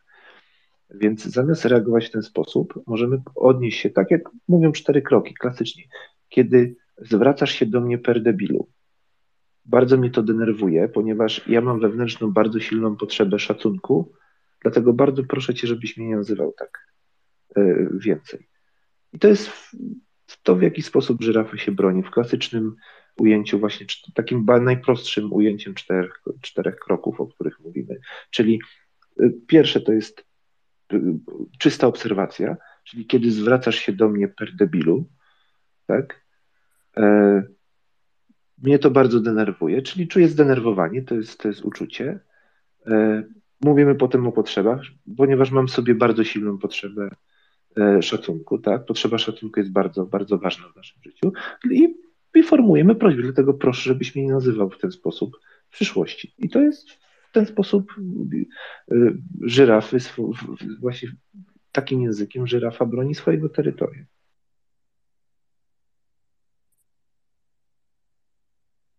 Okej, okay. podobało mi się, dziękuję. Znaczy, zasada w ogóle jest taka, że mm, jeśli słyszymy właśnie taki negatywny komunikat pod własnym adresem, e, to Rosenberg mówi o takich e, czterech, właśnie tych czterech wariantach. To Piotr tutaj powiedział o, w zasadzie o tym, e, że cztery, to są takie cztery warianty odbioru właśnie negatywnego komunikatu. Czyli możemy na przykład potraktować taką wiadomość w sposób bardzo osobisty, słysząc w niej oskarżenie i krytykę, tak? Czyli zostaliśmy nazwani durniem, na przykład e, w jakiejś, w jakiejś tam konwersacji. Teraz, e, jeśli postanowimy odczytać e, ten komunikat w sposób taki właśnie osobisty, możemy pomyśleć, no rzeczywiście, powinienem wykazać trochę więcej mm, mądrości, czy, czy, czy jakiejś wiedzy, E, I wtedy właśnie zgadzamy się z oceną rozmówcy i uznajemy e, swoją, mm, nie wiem, może to jest błąd, w zależności od tego, w jakim to było kontekście. I tutaj wybór e, w ten sposób bardzo nas dużo kosztuje, ponieważ no, cierpi na tym nasze ja, tak? Czyli mniemanie o sobie, poczucie wartości, czy, czy, czy samoocena. I możemy pogrążać się właśnie w takim poczuciu winu, winy, czy wstydu, no, czy nawet y, depresji, bo w zależności od tego, jak często taka sytuacja się powtarza. Jest następna możliwość, że możemy zwalić winę na naszego rozmówcę. Na przykład y, przeciwko temu zarzutowi powiedzieć, y, że mm, nie wiem, ktoś mówi właśnie, że jesteś durnie, możemy zaprotestować właśnie, tak jak Piotr to mówi, tak, oświadczając. Nie masz prawa tak do mnie mówić, przecież zawsze, e, nie wiem, e, wykazuje się jakąś tam wiedzą, e, i tak naprawdę, no to mogę powiedzieć, że ty jesteś durniem. Nie, tak? mów, nie mów mi, jakie mam prawa. Nie mów mi, jak mam żyć. Tak? Dokładnie. Właśnie, właśnie to, jest, to, to jest klasyka, właśnie kiedy przemoc y, po prostu nakręca kolejną przemoc. Ktoś nazywa mnie mhm. w sposób, w jaki nie chce, żeby mnie nazywał, i ja nie odbierając tego jak żyrafa, jako smutną realizację swoich potrzeb, no na przykład ta osoba w danym momencie być może nazywając mnie w ten sposób, odczuwa potrzebę jakiegoś spełnienia siebie, czy, czy, czy poczucia się wartościowym e, i tak dalej. Więc może spełnia jakąś potrzebę, ale spełnia ją w taki sposób, że niby moim kosztem, mówię niby, ponieważ ja nie odbieram tego jako, jako obelgę, w sensie takim, że, że widzę tą potrzebę tego człowieka, ale mimo wszystko nazywanie mnie debilem mnie denerwuje. Więc mówię, co jest we mnie żywe takiej osoby. Czyli mówię, kiedy nazywasz mnie debilem, bardzo mnie to denerwuje, ponieważ mam bardzo silną wewnętrzną potrzebę szacunku, dlatego proszę, żebyś mnie tak nie nazywał więcej. I to, i to jakby moim zdaniem to załatwia problem, bo e, odbijając piłkę w sensie takim, że reagując, nie wybierając sposobu reakcji, tylko reagując automatycznie, sam jesteś debilem, albo weź tak do mnie nie mów, to jest komunikat taki autorytatywny, czyli rozkazujemy drugiej osobie, czego ma nie robić. E, więc to, to, to, to nie na tym polega język, język żyrafy. Tak? Więc, mhm. więc, y, więc kiedy jakby y, ja oczywiście operuję, bo ja się wychowywałem na blokowisku w takim dosyć biednym mieście w Polsce, więc ja operuję bardzo dobrze językiem szakala. I, i kiedy pojawia się temat nie mów mi, co mam robić, to ja mówię, nie mów mi, czego, czego mam nie mówić, czego masz nie robić. Tak? I, I pojawia się tutaj właśnie zaraz przepychanka słowa, więc o, o, o, o jakby od iskry do, do, do płomienia w takiej sytuacji jest bardzo, bardzo blisko. No tak, tutaj jeszcze w tym komunikacie, jeśli odbierzemy to właśnie w ten sposób, że mówimy, że to ty jesteś tym, tym durniem, w ten sposób e, zwalamy też winę na rozmówcę. Tak? E, zapewnie, I zapewne w takiej sytuacji mm, ogarnie nas przy tym no, takie uczucie gniewu? Bo to jest też e, właśnie to, to, to odbicie piłeczki jest też takim takim e, mało, mało konstruktywnym też reakcją, ale jest ciekawe, bo tak, jest jeszcze trzecia możliwość, która otwiera taką właśnie przed nami znaczy możemy zastosować kolejną możliwość, kiedy właśnie słyszymy komunikat taki, e, że jesteśmy durniem, e, żeby na przykład skierować e, świadomość na nasze własne uczucia. Możemy wtedy na przykład powiedzieć, kiedy mówisz do mnie, że jestem durniem, czy takim właśnie idiotą, jakiego w życiu nie widziałeś, to mnie to bardzo boli. Chciałabym, żebyś na przykład zauważył, że bardzo staram się tutaj, nie wiem, w jakiejś tam kwestii. E, I w ten sposób, e, właśnie skupiając uwagę na własnych uczuciach i potrzebach, uświadamiamy sobie, skąd bierze się ten nasz ból, na przykład nasza irytacja, nasze zdenerwowanie, którego właśnie doświadczamy w tej chwili, tak? Są, są, to są właśnie te narzędzia, którymi możemy operować, stąd, że na przykład pragniemy, żeby te nasze starania przyjęto z uznaniem, żeby ktoś, kto nas obraża, zrozumiał, że nam to sprawia ból. Ale możemy też e, wykorzystać jaką, taką kolejną jakby metodę, kolejne narzędzie e, i skierować to ku uczuciu właśnie i potrzebom tej osoby. E, I to też jest bardzo ważne, żeby właśnie w, rozmówca miał świadomość naszych uczuć i potrzeb które my też wyrażamy, tak? Czyli możemy na przykład zapytać, e, czy boli cię, że na przykład, nie wiem, twoje e, nie wiem, upodobania są za mało brane, czy, czy twoje potrzeby są za mało brane pod uwagę, czy są niezauważane. Bierzemy na siebie też odpowiedzialność wtedy za własne uczucia, ale, za, ale zamiast winą e, za ich, e, że nie obarczamy ich winą innych, czyli tego, tą osobę, a uświadamiamy sobie potrzebę taką, że sami zostaliśmy e, obrażeni e, i nie chcemy tego. Dlatego e, jest ta różnica, żeby wskazać na potrzebę tego, że ja nie chcę być raniona, ale również, żeby wskazać na potrzebę, co ty chcesz przez to osiągnąć. Ja powiedziałam to w takim jakby schemacie tych czterech różnych potrzeb, Natomiast e, w zależności od tego, jak ta sytuacja e, się e, toczy, jakie są nieodpowiadane za uczucia drugiej osoby, możemy jedną z tych rzeczy oczywiście zastosować, ale ta, to wczucie się w cudze emocje i potrzeby jest też jedną z tych naszych umiejętności, które możemy posiąść. Piotrze, chciałbyś coś do tego dodać? Może dajmy głos y, słuchaczom. Jest e, John i Martin. A, w tej, kole w tej kolejności, y, jeżeli chcecie się odnieść do tego, o czym rozmawiamy, bardzo proszę. John, zapraszamy. To może jakaś Marcin, pojawi... a w tym. Pojawiła a, się jakaś. jakaś y, pojawiła się jakaś chyba, bo ja aktualizowałem tuż przed spotkaniem naszym Twittera, aplikację Twitterową dla Androida przynajmniej e, i, i jakaś aktualizacja jest, więc możliwe, że ona ma jakiś po prostu duży wpływ na to, jak się e, nasz... Także John, e, walcz i wracaj do nas, bo Dokładnie. widzę łączenie. To w tym, Także czekamy. To w tym czasie, w tym czasie Marcin, proszę.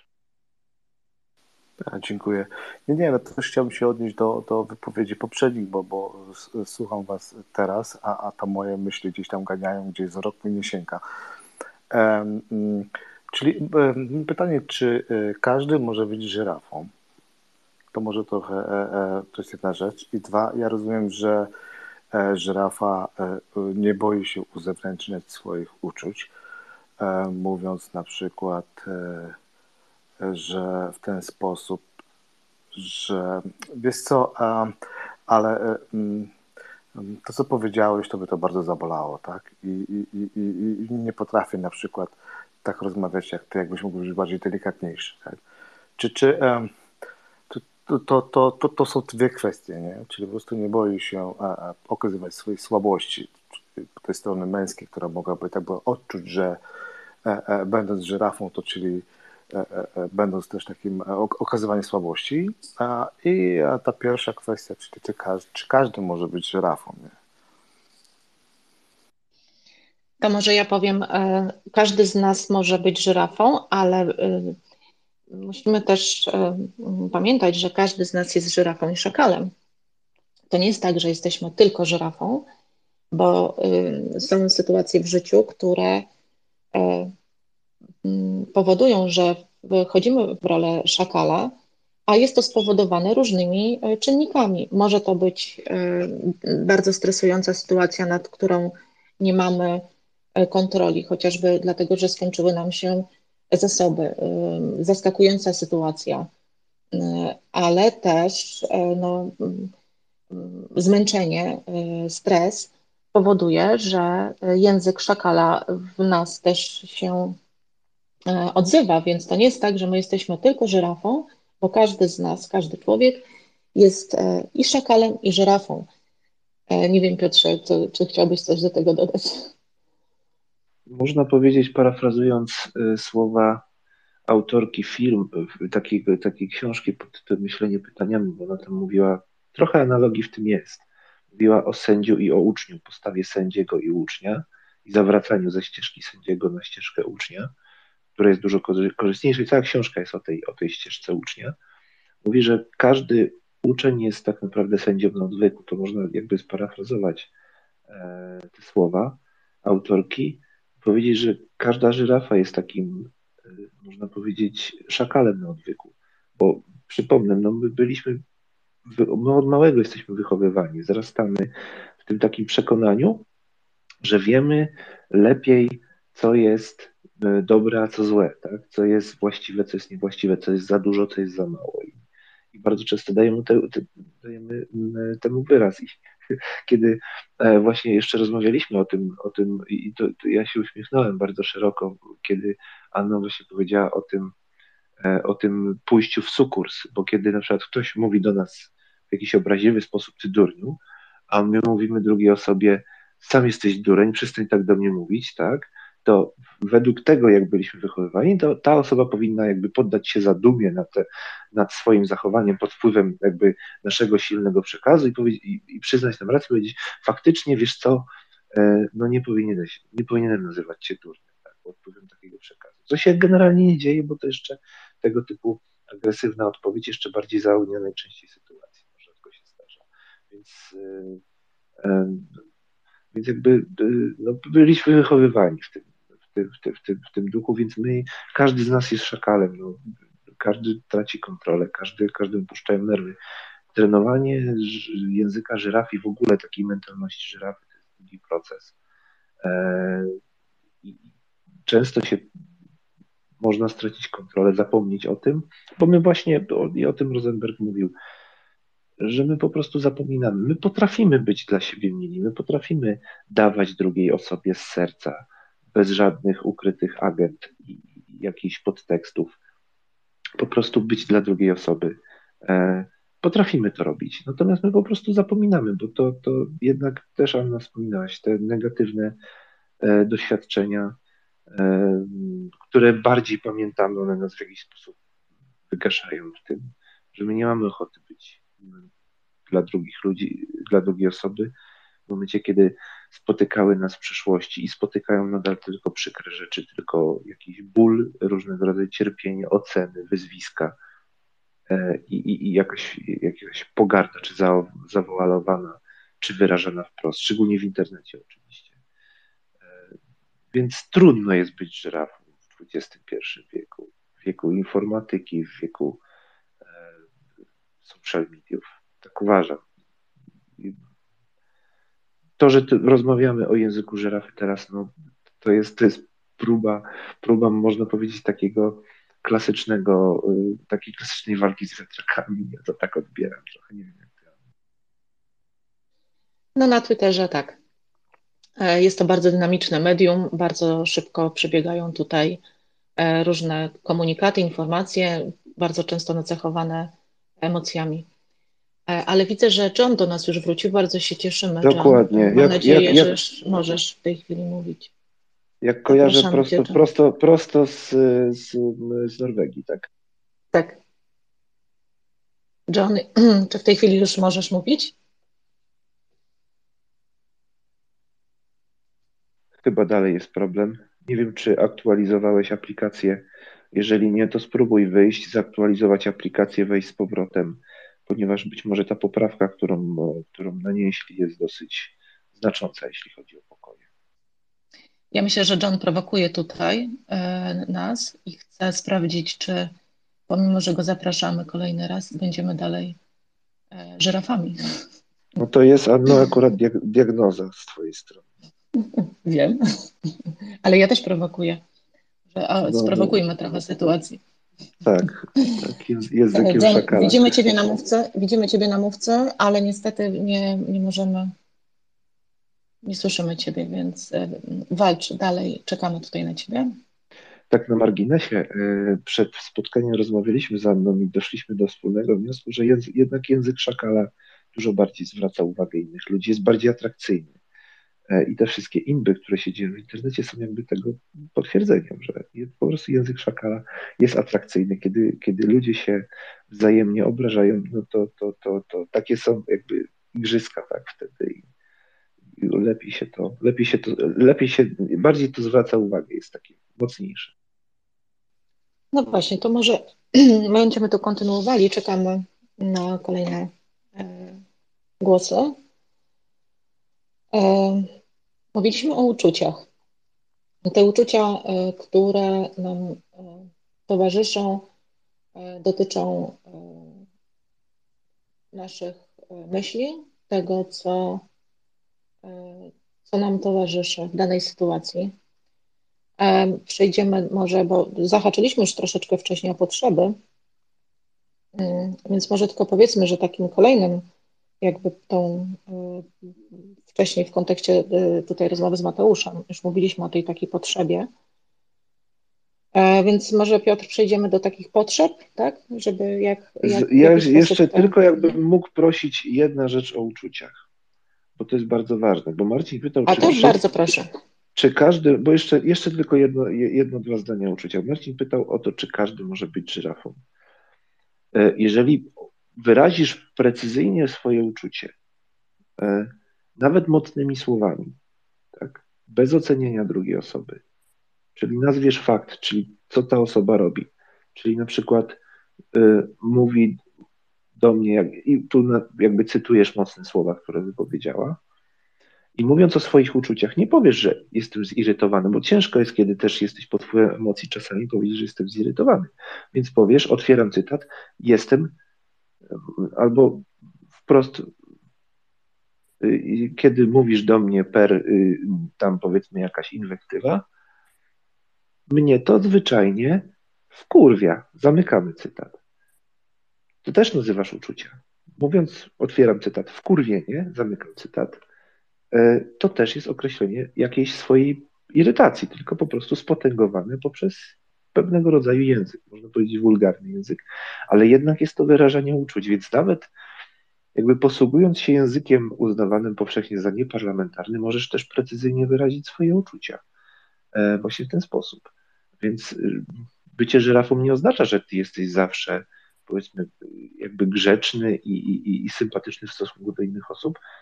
No, niekoniecznie to musi oznaczać. Chodzi tu głównie o to, że nie, nie chodzi o to, jak łagodnego języka używasz, tylko w ogóle jak go używasz. Czyli nazywasz fakty, nie oceniasz drugiej osoby, nie wzbudzasz w niej jakiś, nie atakujesz generalnie, nazywasz precyzyjnie swoje uczucia, nazywasz precyzyjnie swoje potrzeby, nawet, mówię, językiem można powiedzieć wulgarnym, ale nazywasz je bardzo precyzyjnie. Druga osoba nie odczuwa się nie, nie, czuje, nie czuje, że jest przez ciebie atakowana w żaden sposób. Więc patrząc, patrząc na to pod tym kątem, to tak nawet po prostu osoba, która posługuje się wulgarnym językiem, może się zachowywać jak żyra. Chciałbyś się odnieść, to proszę. Tak, tak, oczywiście. Znaczy, e, pytając się, miałem na myśli pewien taki obraz, sobie wyobraziłem, no, uśmiałem się z samego siebie. A, a z tego, bo podchodzi do mnie gdzieś tam w barze kryminalista, na, na, nadziarowany facet, tam jakiś umieśniony jak Schwarzenegger i przepitym głosem, krypiącym mówi do mnie, a nie przygląda się tak e, bardzo mnie, bo ja się czuję urażony i, i, i mnie to po prostu peszy. Nie? Ja się kładę ze śmiechu pod stołem, że, że używa języka żyrafy, żyrafy recydywa. Nie? No to oczywiście no, te, wtedy bym e, e, kładąc się ze śmiechu pod stołem bym wzbudził agresję, ale to, to stąd to było moje pytanie, no więc e, o to mi chodziło. Dzięki. Znaczy taka osoba może używać języka mocniejszego, ale na przykład nie oceniać cię i precyzyjnie określać swoje uczucia, nawet mocnym językiem albo potrzeby, tak? Na przykład może powiedzieć, że kiedy, no, kiedy na przykład siedzisz tak blisko mnie, bardzo mnie to wkurwia, mówiąc w cudzysłowie, ponieważ chciałbym, żeby teraz się po prostu wszyscy ode mnie odpierdolili, tak? Można w ten sposób powiedzieć. Oczywiście, przepraszam za język, to oczywiście wszystko w cytacie, w cytatach było, tak? Możesz wyrażać swoje potrzeby i swoje uczucia nawet językiem nieparlamentarnym. Takim językiem, można powiedzieć stereotypowo, językiem twardziela, tak? E, bo tu nie chodzi o to, jakiego języka używasz, ale jak go używasz. Nie słychać? Mam nadzieję, że. O, teraz Cię słychać tak. bardzo dobrze. Tak. No dobrze, to czekam aż Piotr skończy. Znaczy już skończyłem. No to je, jeszcze raz po raz któryś z kolei. E, Piotrze i Anno. Tekst pod tytułem Jesteś debilem, jesteś durniem jest tekstem z góry nakierowanym na wojnę. Żyrefa nie może nic z tym zrobić. Żadne tłumaczenie wielozdaniowe niczego nie zmieni, może tylko i wyłącznie wywołać większą agresję. Nie uspokaja tego, który użył przymiotnika, y, oceniając nas jako żyrafy teoretycznie. Y, y, wielokrotnie no, się z tym spotykałem w rozmowach publicznych, że tak powiem, na, na zewnątrz, poza telefonem, twarzą w twarz. To jest użycie przez szakala czy kogokolwiek innego takiego określenia jest prowokacją do awantury, mówiąc krótko. Wtedy są jedynie dwa wyjścia: być silniejszym albo uciekać. Żadne tłumaczenie, żadna wysoko głowa w chmurach tego nie zmieni, bo człowiek, który już z tym wystartował, jest ukierunkowany w jedną stronę i tego kierunku zmienić się nie da. On jest wewnętrznie nakierowany. E, inna sprawa. Mm, bardzo często sam głos osoby, która się wypowiada, budzi w nas agresję. E, staramy się ją tłumić. Ja mam tak e, wielokrotnie z niektórymi rozmówcami na pokojach. Pewnie co niektórzy mają podobne odniesienie do brzmienia mojego głosu. Tego też nie jesteśmy w stanie w sobie zmienić, prawda? Mm, są ludzie, którzy mają taką, a nie inną manierę wypowiedzi, nie tylko zawartą w, te, w tembrze głosu, ale również w sposobie, w wypowiedzi, czy też w użytych sformułowaniach, które też nas budzą agresję i nie jesteśmy w stanie tego w żaden sposób po żyrafowemu, jakimkolwiek tłumaczeniem, proszeniem, czy też informowaniem, że odczuwamy dyskomfort, tego zmienić. Jak w takich sytuacjach być żyrafą?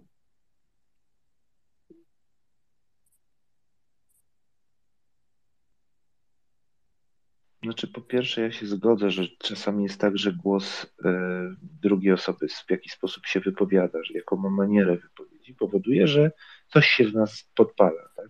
Jakiś, pojawi się trigger. Emocja i właśnie będąc żyrafą, będąc świadomy swojej emocji, to możesz wybrać, w jaki sposób zareagujesz na to, czy, czy w jaki sposób y, podejdziesz do, do, do tej sytuacji i do tego człowieka. Bo być może, że się wypowiada w ten sposób, no nie wiem, może był w ten sposób wychowywany, może nie wiem, rodzice e, kiedyś po prostu zaniedbali temat związany z pójściem do logopedy. No to jakby no, pewnych rzeczy no, nie są zależne od człowieka. On się w ten sposób wypowiada. No, nie musi to być jego winą, więc żyrafa w ten sposób patrzy na drugiego człowieka ze zrozumieniem, że być może, że ta osoba nie mówi bardzo jakoś płynnie, nie zbiera szybko myśli, no nie może, nie, niekoniecznie musi świadczyć e, e, tylko i wyłącznie o czymś złym, więc to jest jedna rzecz. Ja się zgadzam, że to irytuje, bo też, też tak mam i ja pewnie też na inne osoby działam w sposób irytujący. E, nie mam na to wpływu pod tym kątem, że ja nawet o tym często nie wiem ktoś ma do mnie jakieś ale i ja nie wiem z jakiego powodu. Mogę się domyślać, ale tak jak żyrafa, no wolę w takiej sytuacji fakty.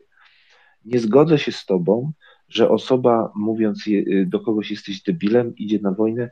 Ja nie wiem, co ta osoba ma w głowie. Ja ewentualnie, ja staram się słuchać jakby potrzeb tej osoby. Jeżeli osoba nazywa mnie w jakiś obelżywy sposób, nie zakładam, że ta osoba idzie na wojnę od razu. Więc tu, tu, się, tu, tu, tu mamy odmienne zdania w tej kwestii.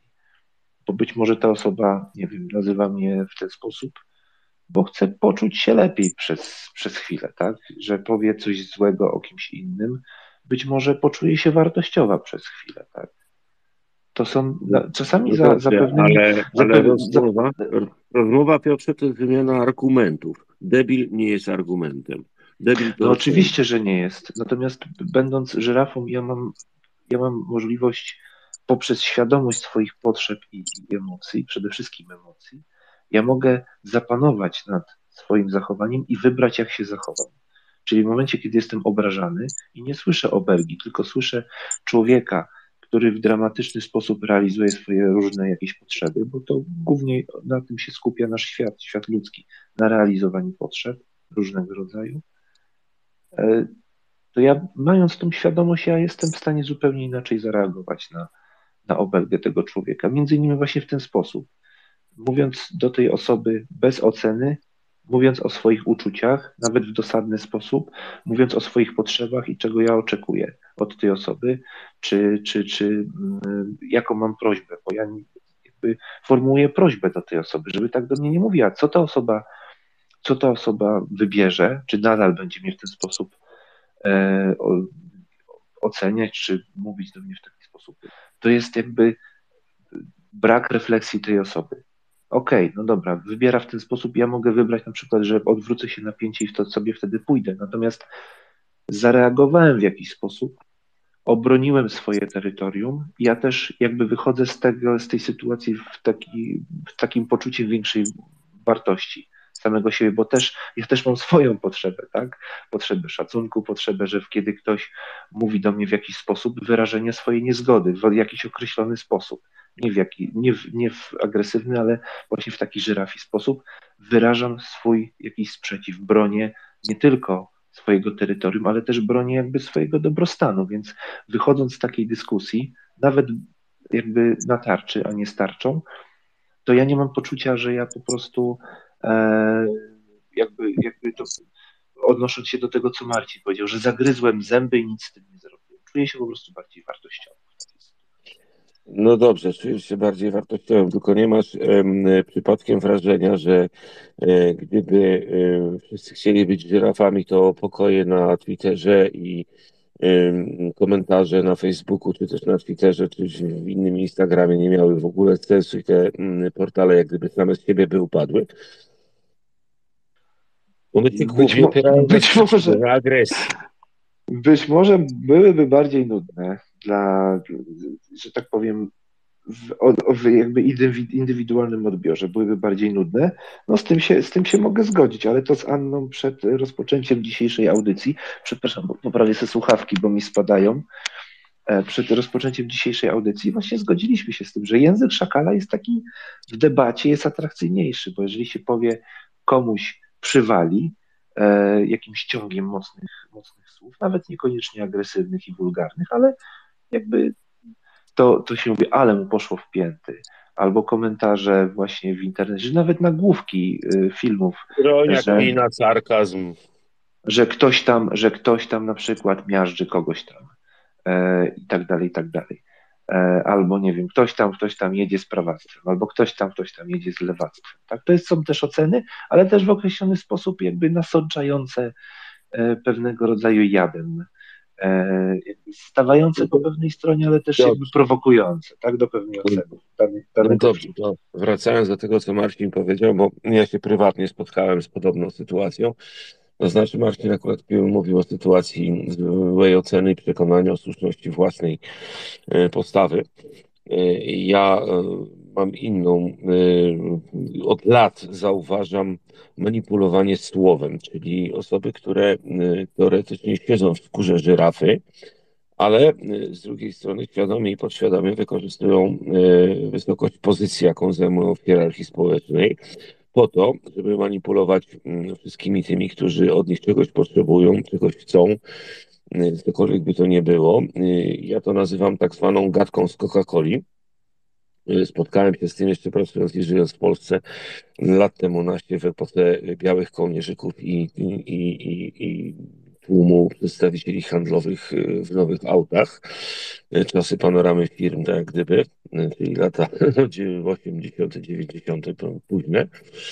Y, I tam y, stosuje się pewnego rodzaju chwyt, czyli mm, przygotowując człowieka do wykonywania jakichś tam konkretnych zadań, czy też spełnienia poleceń, używa się słów kluczy. Te słowa klucze nie są ani szakalowe, ani żyrafowe. Są to słowa klucze, natomiast e, wypowiada je żyrafa, manipulując e, w ten sposób ludźmi, którzy te słowa klucze e, odbierają, czy też mają przyswoić, po to, żeby uczynić z nich szakali. I, przy, przykład podać, tak, tak, już właśnie podaję prosty przykład. No więc e, firma samochodowa sprzedaje nowy model samochodu. E, e, samochód nie różni się niczym od tego, który był wyprodukowany 5 lat wcześniej, poza jakimiś tam drobnymi detalami niewartymi różnicy w cenie. Natomiast jest jedna rzecz, że w samochodzie wprowadzono jakieś tam udoskonalenie silnika, które się nazywa w charakterystyczny sposób i teraz grupa przedstawicieli handlowych, którzy mają się zająć promocją tego nowego samochodu, słyszą cały czas nazwę tego nowego urządzenia. Nie wiedzą, absolutnie nie rozumieją, jak to urządzenie działa, nie wiedzą, jaka jest mechanika tego urządzenia, nie wiedzą, co to urządzenie robi w tym silniku, nie wiedzą, co to urządzenie w efekcie daje, jaką oszczędność, czy też czystość powietrza, wydechu itd., tak itd. Tak Oni mają zapamiętać tylko to jedno słowo określające to urządzenie i tym słowem mają walić w potencjalnego petenta, mówiąc mu, że dzięki temu ten sam szczyt sprzed pięciu lat jest 30% y, lepszy, bo o tyle wzrosła cena y, tegoż auta. I, i tak jest Przedmiot jest akurat tutaj przypadkowo dobrany na moja branża, bo jestem kierowcą, ale mm, pracując wcześniej jako przedstawiciel handlowy w kilku innych branżach spotkałem się z podobnym typem zachowania, typu Coca-Cola, nowa butelka, e, stary kształt, y, historyczny kształt, y, nowy sposób otwierania i tak dalej, i tak dalej, tylko po to, żeby ten sam płyn o tej samej zawartości cukru, kofeiny i całej reszty y, sprzedać od złotówkę czy dwie złotówki drożej drożej, żeby mm, kupujący to kupił. Taki prosty przykład. I to jest manipulowanie. To jest manipulowanie słowem wykorzystane przez żyrafa. Praktycznie rzecz biorąc, ta żyrafa jest szakalem w skórze żyrafy, mm, wykorzystując swoją pozycję. Y, ustawia kadry szakali do spełnienia jej poleceń. Jak tego uniknąć lub jak się przed tym inteligentnie obronić, nie, tracąc, nie tracąc nic z własnej pozycji. Znaczy wiesz to, no jeśli chodzi o, o samą żyrafę, no żyrafa, Anna na początku wspomina, że żyrafa, żyrafa nie manipuluje, tak? Żyrafa jakby daje, ma skłonność do dawania z serca, tak? No wątpię, żeby przedstawiciel handlowy, którego zadaniem jest sprzedaż, żeby z serca dawał samochody za, za, za, za cenę 30% wyższą niż poprzedni model, który był produkowany 5 lat temu, czy rozpoczęta produkcja była 5 lat temu, więc to jest, to, to nie żyrafa. Są oczywiście pewne techniki różnego rodzaju wpływu, manipulacji. My o tym rozmawialiśmy z Anną bardzo często, a jak się, jak się bronić przed tym? I to też można za pomocą właśnie takiego mindsetu żyrafy, można się bronić w ten sposób, że jesteśmy świadomi swoich potrzeb, czyli zadajemy sobie, znając swoje potrzeby i znając swoje, swoje wiedząc jakie emocje, bo kiedy widzimy nowy samochód, on ma jakieś tam osiągi, Wiadomo, zawsze, znaczy ja, ja widzę po sobie, bo ja też wiele razy, kiedy wsiadałem do nowego samochodu, który dostawałem pracy, y, zawsze towarzyszyły mu jakieś, jakieś, jakieś takie fajne emocje, tak. Kiedy. No nie na darmo wprowadzono choinkę o za, zapachu nowego samochodu. Tak, tak, tak. Natomiast, natomiast wiem, że to wzbudza jakieś emocje i będąc świadomym tych emocji i będąc świadomy swoich potrzeb, jesteś, jesteś w stanie na tyle się kontrolować, że emocje nie biorą góry i znasz swoje potrzeby i na przykład y, mimo, że ten samochód ci się podoba, no już czujesz jak nim jeździsz, już jest wszystko fajnie, pięknie, jednak ale przecież ten, który mam, jest jeszcze dobry. Tak naprawdę, gdzie ja będę tego silnika używał? Jakby zaczynasz jakby z, z, z Racjonalizować. racjonalizować sobie, że z prawej półkuli prze, przekierowujesz energię do lewej półkuli, bo jesteś świadom swoich emocji, że wiesz, że te, teraz targają tobie jakby niechęć posiadania tego samochodu, taka szczera i, i, i- kierowana racjonalizmem, tylko, tylko kierują tobą emocje, że a fajnie by było nowy samochód, a co powiedzą znajomi i tak dalej, i tak dalej.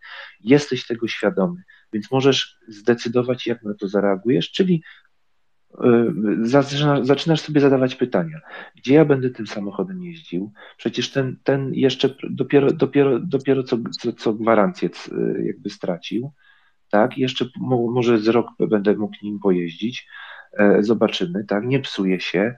E, ten silnik, no dobra, mocniejszy jest, jakiś tam ma fajny dźwięk i tak dalej, ale gdzie ja będę? I zresztą ja już nam powiedzmy sobie, mówiąc o mnie, ja mam ponad 40 lat, no mi już nie w głowie jakieś fisiowanie e, tłumikiem gdzieś tam pod, pod remizą na, na, na jakiejś wiosce, więc nie ma sensu. I zaczynam sobie dopowiadać, dlaczego ja mam tego samochodu nie kupić. I ja to samo robię, kiedy idę na zakupy e, przede wszystkim, tak? Bo zdarza się, że mam jakieś zachcianki i one nie są kosztowne, ale często zdarza się, że właśnie ludzie sprzedając, nie sprzedając produkt, tylko sprzedając prestiż, czy co, co, co powoduje posiadanie tego produktu, próbują wywołać we mnie emocje i że bierz tu i teraz i e, zasługujesz na to, jesteś tego wart, czyli tak jak mówisz, no, język z Coca-Coli, tak? E, No i teraz tysiące, tysiące przedstawicieli idzie się wychuśtać. No, no przy, przy, przykro mi niestety, tak? W każdym razie, w każdym razie, kiedy jesteś bardziej świadomy swoich emocji i swoich potrzeb, jesteś w stanie jakby kontrolować swój wybór przede wszystkim, bo o tym mówił Rosenberg, jeśli chodzi o zachowanie żyrafy. Mówi o tym, że zawsze mamy wybór. Możesz kupić, a możesz nie kupić. Pytanie, y, na co znajdziesz więcej powodów? Czy więcej znajdziesz powodów, żeby kupić, czy więcej, żeby nie kupić? Jakie te powody będą? Czy żeby kupić będzie więcej powodów racjonalnych, czy więcej racjonalnych powodów będzie, żeby nie kupić? No Piotrze, Do to teraz do tego się dorzucę, dorzucę ostatni argument, który specjalnie oszczędziłem Ci przed Twoją wypowiedzią. No to jest kwestia tego, że jesteś tym przedstawicielem handlowym, który ma spełnić polecenie tej żyrafy, czy też szakala w skórze żyrafy, bo po prostu potrzebujesz tej pracy. Znaczy to, w jaki sposób zachowują się szakale, no ja nie mam na to wpływu. Ja mam wpływ na to, jak, jak na to zareaguję, czyli e, no, oni wybrali swoją drogę, jakby ja nie mam wpływu na to, jako, jak, jaki oni zawód wybrali. Wybrali, pogodziłem się z tym.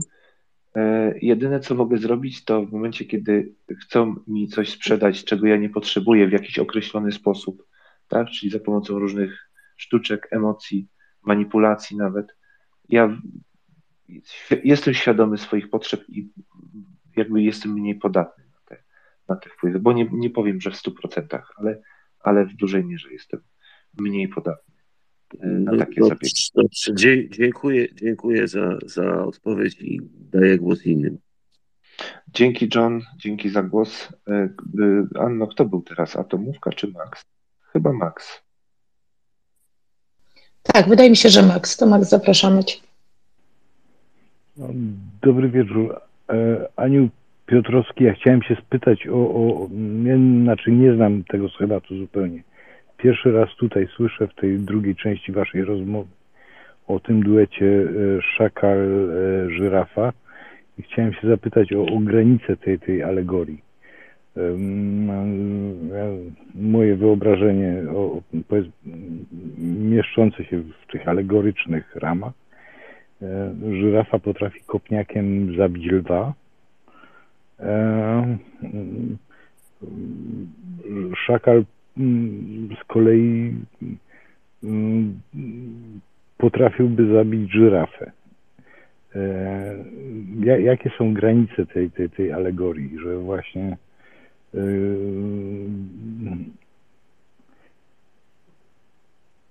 kiedy, kiedy kończy się komunikacja, a, a, a zaczyna się walka? Co, co, no w, taki, w taki mm, strasznie uproszczony sposób się właśnie pytam o to. E, to są e, takie określenia, e, metafory, które, do których odniósł się Rosenberg i on odniósł się właśnie do żyrafy jako do zwierzęcia, które ma największe serce i żyrafa kieruje się w komunikacji sercem, współczuciem i wyraża również własne oczekiwania i potrzeby w sposób właśnie uczciwy, nie rający drugiego człowieka, zauważając jego potrzeby również. Szakal jest taką osobą, która wymaga, rozkazuje, osądza, krytykuje. Mówimy o komunikacji. Ale bardzo mi się podobało e, to, co powiedziałeś, że żyrafa potrafi kopniakiem zabić tygrysa. E, to ja bym tutaj poszła właśnie w tą metaforę, czy taką właśnie zobrazowanie tego, albo e, zadać pytanie, oczywiście może to zrobić, tylko z jaką gracją, prawda? oczywiście żartuję. Chodzi o to, że Rosenberg jakby porównuje te dwa e, typy komunikatów e, i czym one służą. Jedne służą temu, żeby tylko zdobyć przewagę, władzę, osobę, z którą się komunikuje, gdzieś postawić jak, na jakiejś niższej pozycji, e, która e, i ten język szakala absolutnie nie buduje komunikacji. Opieramy się tutaj na właśnie budowaniu takiej komunikacji bez przemocy i właśnie, żeby budować relacje, żeby nie, nie walczyć tylko o tą rację, naszą rację, tylko właśnie w szerszą świadomość i to właśnie opieramy tutaj na całej nauce, teorii i wielu, wielu e, latach pracy Rosenberga. E, to jest bardzo istotne też e, z tego względu, że rzeczywiście to ma sens jest skuteczne, jest stosowane w wielu organizacjach, jest stosowane w negocjacjach. Właśnie ten schemat żyrafy, żeby mieć każdej, jeżeli chcemy budować relacje, jeżeli chcemy mieć komunikację, to musimy mieć e, świadomość własnych uczuć i uczuć drugiej osoby. E, uczuć drugiej osoby w tym kontekście, żeby e, nie, nie, nie oceniać, nie obwiniać, tylko obserwować i mieć świadomość tego, że zachowanie nawet negatywne w stosunku do nas e, jest wyrażeniem potrzeb drugiej strony. Jakich potrzeb, tak? Więc e, to jest taka już druga część, o której tutaj rozmawiamy. Nie wiem, czy wyjaśniłam, ale będziemy pewnie jeszcze tutaj hmm, tak, tak, tak. w jakiś to, sposób. To teraz, teraz, do mnie dotarło, tylko um, miałem z tym kłopot, że y, cały czas przed tym y, był przedstawiany schemat komunikacji żyrafy z szakalem, a żyrafa może y, komunikować z kimś, kto wcale szakalem nie jest, y, tylko z jakiegoś powodu jest w stanie frustracji, czyli nie, nie, nie, nie, nie spełnienia swoich potrzeb. Y, żyrafa, jej strategią jest pertraktacja, kooperacja, Y, I, I, z drugiej strony Szakal, jego strategią jest terror, przemoc. Y, I też y, ta komunikacja nie musi się odbywać z żyrafą. Że w tym momencie w zasadzie nie ma definicji tej drugiej strony, że tak powiem, wymiany komunikatów. Tak, to, to, to, to dzięki, świetnie mi to wytłumaczyłaś. Dziękuję bardzo. Chodzi o posługiwanie się mową e, i w ogóle e, różnymi narzędziami w taki sposób, żeby zachować człowieczeństwo, e, nawet w bardzo niesprzyjających okolicznościach, żeby zachować to człowieczeństwo swoje i drugiej osoby. To buduje relacje. Atomówka, długo czekałaś, zapraszamy. Dziękuję za cierpliwość. Dobry wieczór, ale w zasadzie to wiesz co, temat już się rozmył, bo to było jakby odpowiedź na pytanie Johna, a Max zadał fantastyczne pytanie, które spowodowało, że ładnie się zamknęło klamrą pierwszej i prawie, że już końcówka drugiego spotkania, także już nie będę, nie chciałabym chyba tego rozwijać. Dziękuję.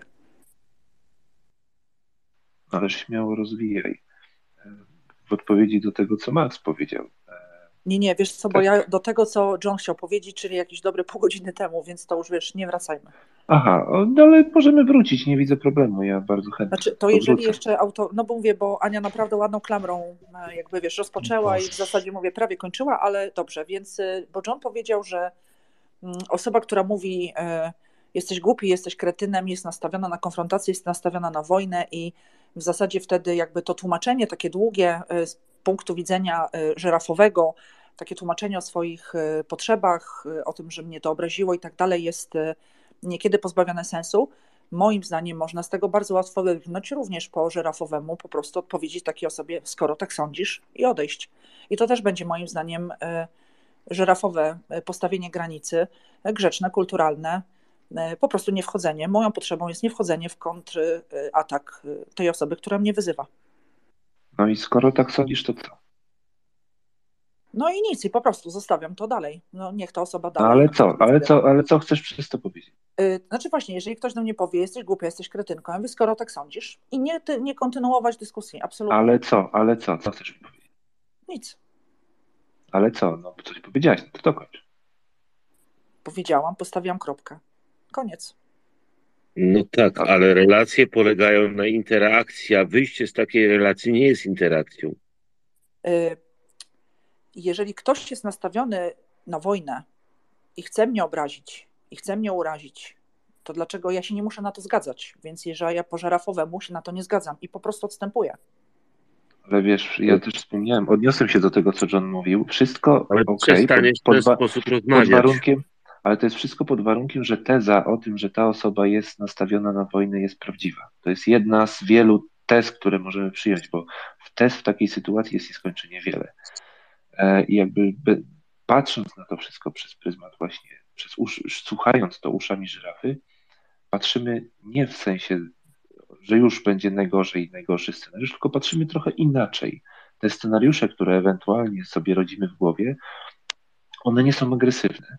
One skupiają się właśnie na potrzebach drugiej osoby, że być może i tu też do tego, co Max mówił, e, bo, bo mówiłeś, że nie, każda, nie każdy szakal może być szakalem właśnie to mówił y, Rosenberg, y, podając definicję szakala. Szakal to nie jest do końca zła. I żyrafa, patrząc na szakala, nie, nie widzi złej osoby, tylko szakal pod tym kątem jest osobą agresywną, ponieważ ona swoje potrzeby, te pozytywne potrzeby, bo potrzeby są zawsze pozytywne, realizuje właśnie w taki, taki dramatyczny, taki smutny i agresywny i przede wszystkim bardzo kosztowny sposób dla, dla wszystkich. I to jest, to jest definicja szakala. Y, każdy z nas się zachowuje jak szakal, więc y, jakby nie mówię, że to jest normalne, ale byliśmy, wzrastaliśmy w tym, w tym wychowaniu takim szakali. Więc my jesteśmy szakalami z wychowania, natomiast tutaj w tym pokoju staramy się zmienić trochę swoją naturę i stać się właśnie tymi żyrafami, o których, o których właśnie. No to pozwolę sobie kontynuować.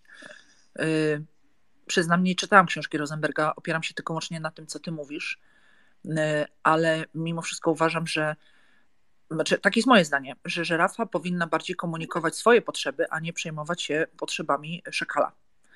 Y, I próbować dociekać, y, dlaczego, jakie są potrzeby tego szakala. Mój dobrostan jest jakby chyba w tym wszystkim najistotniejszy, a taka komunikacja, o której mówił John, y, nie prowadzi do niczego. Rozpoczęcie takiej komunikacji wyzwiskami i obrzywimi jakimiś tam inwektywami nie prowadzi do niczego dobrego i to nie będzie rozmowa nastawiona na mądrą, rzeczową argumentację. I taka teza mam wrażenie, że w 99% będzie prawidłową tezą, y, że wyzwiska zawsze dążą do konfrontacji. Okej, okay. zgadzam się z Tobą, pod warunkiem, że to jest to, w jaki sposób, że ty odchodzisz, jakby rezygnujesz z, z, z rozmowy z taką osobą, e, że widzisz różne alternatywy, jak mogłabyś postąpić i wybierasz, postęp, żeby postąpić w ten sposób z różnych powodów, nie, nie wnikając w to, tak, tak, że, właśnie, że, tak, że tak. wybierasz. Mhm, tak, to jest żyrafie. Jest. Tak, taki jest mój Natomiast wybór. jeżeli, jeżeli to jest forma ucieczki, to już nie, nie, bardzo, nie bardzo jest tutaj. Nie widzę w tym za bardzo zachowania. Nie, nie, właśnie mówię, żyrafowo, żyrafowo moją potrzebą, czy na może inaczej, no, yy, moją, moim wyborem jest właśnie odejście, nie ucieczka, odejście po prostu od takiej osoby. Nie wchodzenie w konflikt. To jest, yy, ale nie z powodu strachu, lęku, czy. No pod tym kątem. Po prostu bo, tak, odejścia. Odejścia, takiego bo wiesz, świadomego odejścia.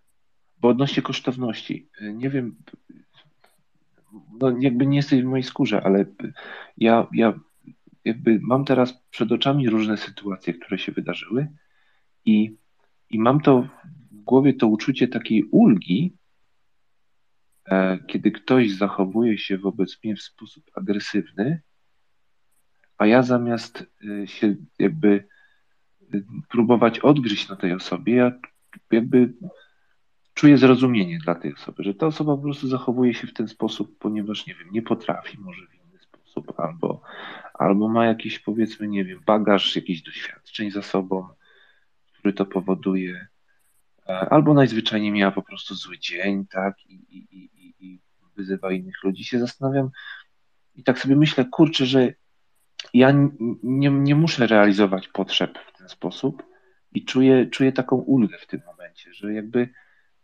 nie dotyka to mnie, tak? Więc jakby ten argument o kosztowności, no, przy założeniu, że jakby nie przepracujesz pewnych rzeczy, to jakby jest jak najbardziej na, na tak. Natomiast w moim przypadku, tak jak patrzę na siebie, no ja mam wręcz odwrotnie właśnie w takich sytuacjach. To jeszcze ja tutaj odniosę się do tego atomówka, co powiedziałaś. Bardzo fajnie, dlatego że właśnie jeszcze jedna bardzo ważna kwestia. Mówimy cały czas o empatii, empatii również tej żyrafy. Czyli żyrafa musi za, zatroszczyć się również o swoje uczucia, o swoje emocje. To jest tak, że żyrafa właśnie nie jest ofiarą. I teraz to, o czym ty powiedziałaś bardzo fajnie, że usłyszałaś, odwracasz się i odchodzisz. Ale to, o co wydaje mi się Piotr tutaj jakby ja, ja tak czuję, tak, że, że jakby chciał sprowokować, co jest najbardziej istotne, jaki nadajesz temu sens, tak? Czyli jeżeli nadajesz temu sens taki, że ta osoba w ten sposób chciałaby na przykład ciebie obrazić, a tego nie zrobiła i teraz wsłuchanie się w, we własne uczucia i we własne potrzeby rozważa żyrafa również własne możliwości, tak? Czyli jeżeli w tym momencie ja oceniam, obserwuję, tak, że w tej sytuacji nie ma szans na komunikację, nie mam zasobów takich, żeby, żeby wyjść z tej sytuacji w taki sposób konstruktywny, czy kontynuować tą komunikację dalej, bo to nie, nie rokuje, to nadając temu sens taki, w takiej sytuacji, według mnie jest też właśnie tą odniesieniem się do potrzeby żyrafy. Nie chcę po prostu się w tej chwili z tym konfrontować, ale też nie atakuję nie oceniam i nie deprecjonuję tej osoby, tak? Nie wiem, Piotrze, czy się ze mną zgodzisz? Znaczy Mówimy o różnych możemy, takich sytuacjach, tak? Znaczy scenariuszy w tej sytuacji możemy uszyć bardzo dużo. Co się może wydarzyć? To jest no, moim zdaniem kwestia hipotetyczna. Co się może wydarzyć, kiedy ktoś podejdzie do mnie, mnie będzie prowokował czy wyzywał? Chociaż z drugiej strony też, jaki ktoś miałby powód, żeby po prostu podejść do mnie niczym nie, niesprowokowany i zacząć, no być może jest taka sytuacja. No I możemy tutaj szyć wiele scenariuszy, tak? To jest kwestia też bardzo, tak jak kwestia góry lodowej. Tej góry lodowej jakby wystaje z ponad lustra wody tak naprawdę niewiele. Większość tej góry lodowej jest pod powierzchnią. Tak samo z, z też z byciem żyrafą dużo rzeczy przeżywamy w środku, yy, można powiedzieć. Dużo rzeczy też się nie wydobywa na zewnątrz. To, jak my się komunikujemy, to jest, to jest właśnie ten wierzchołek góry lodowej. Natomiast dużo się odbywa właśnie wewnątrz, czyli, czyli to, co mówiłem, że jeżeli to jest wybór, na takiej zasadzie, że jesteś świadoma, że teraz nie potrzebujesz absolutnie rozmowy z nikim, czy tłumaczenia komuś, jak się czujesz, albo wyrażania swoich potrzeb. Po prostu chcesz świętego spokoju. Więc o, bierzesz swój mandżur i idziesz w inne miejsce, y, w, której, w którym tej osoby nie ma, to jest zachowanie jak najbardziej żyrafie, bo to jest twój wybór.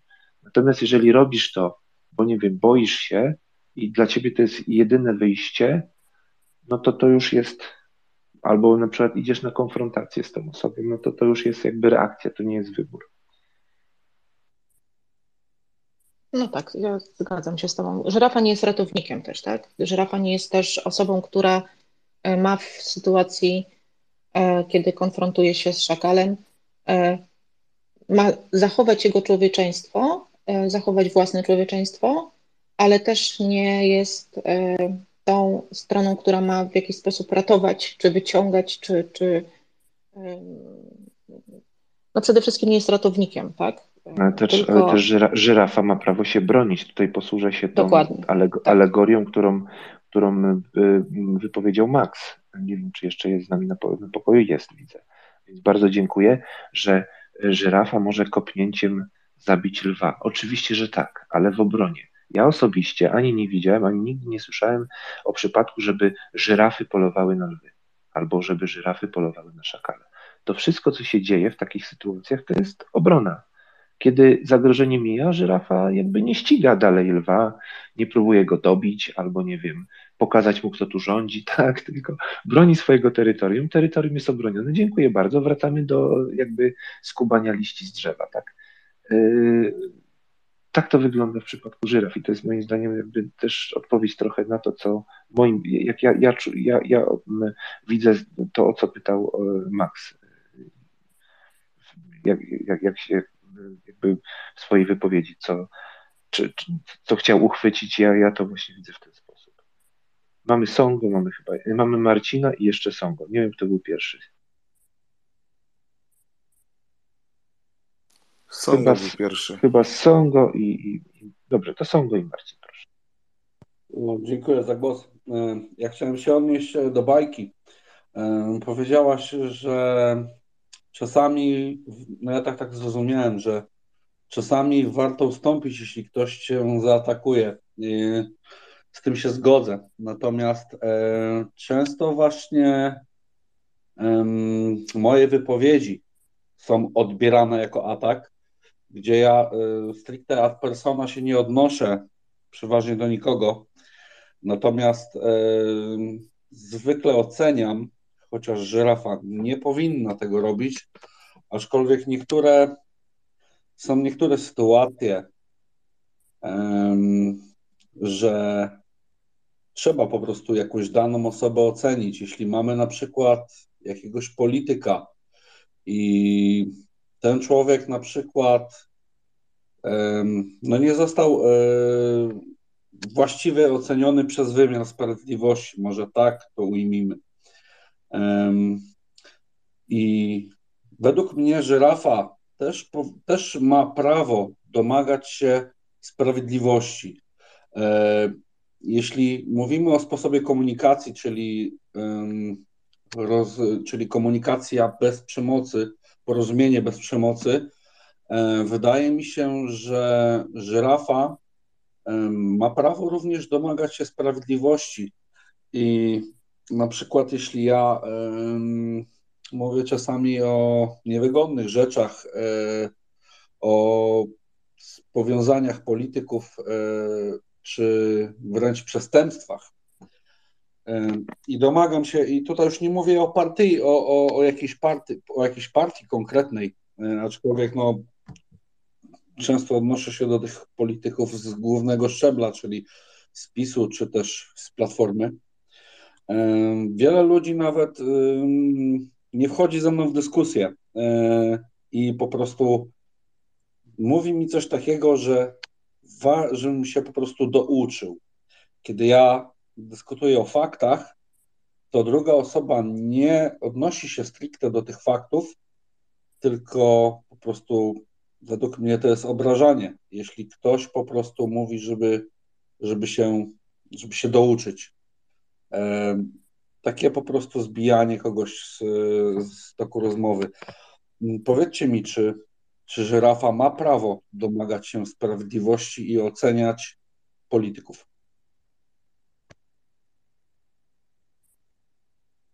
Myślę, że to nie jest kwestia prawa, bo, bo tak, bo padło to właśnie wiele ocen z twojej, z twojej strony. Przede wszystkim e, tak najbardziej, co, co, co, co zapamiętałem z twojej wypowiedzi, to, że żeby precyzyjnie to uchwycić, e, uważam, że odnośnie e, oceny, oceny czyjejś oceny, czyli jakby oceniłeś to, w jaki sposób ktoś ocenił y, jakąś osobę, w sensie w sensie sądu, tak? Więc jakby oceniasz to, oceniasz niewłaściwie ocenę innej osoby, więc jakby ocena w ocenie.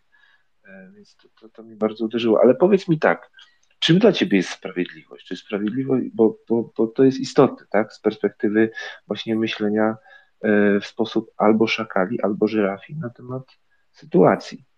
Co dla ciebie oznacza sprawiedliwość? Sprawiedliwość e, jest dla mnie e, wtedy, kiedy dany polityk jest, popełnia jawne przestępstwo i nie jest ani ścigany przez, przez prokuraturę, już nie mówimy o sądzie, bo najpierw musi być oczywiście wniosek prokuratury i takiego wniosku nie ma. Nie ma ani postępowania, ani żadnych czynności wyjaśniających. E, są nawet sytuacje, kiedy politycy jawnie się przyznają do popełnionych przestępstw, już nie mówiąc o faktach, że, że popełnili jakieś przestępstwa, przyznają się po prostu publicznie do tego, że popełnili przestępstwo, nawet przed sądem, i nie toczy się wobec nich żadne postępowanie. I... Togo, ponowię pytanie, co oznacza dla ciebie sprawiedliwość? Czy sprawiedliwość jest dla ciebie, dla ciebie wtedy, kiedy dana osoba zrobi jakąś rzecz, która jest społecznie nieakceptowalna, czy jest prawnie zakazana i zostaje wtrącona do więzienia i żałuje tego, co zrobiła? Czy to jest według ciebie sprawiedliwość? Mm, no teraz tutaj rozmawiamy y, już stricte o o systemie e, penitencjalnym, e, penitencjalnym e, i systemie Ale inaczej, czy czułbyś się usatysfakcjonowany, kiedy osoba, która popełniła czyn zabroniony, została osądzona przez sąd, skazana na karę więzienia i siedziałaby w więzieniu, żałując przez ten cały czas siedzenia w więzieniu za to, co zrobiła? W obecnym systemie mamy taki system, więc tak, czułbym wtedy sprawiedliwość.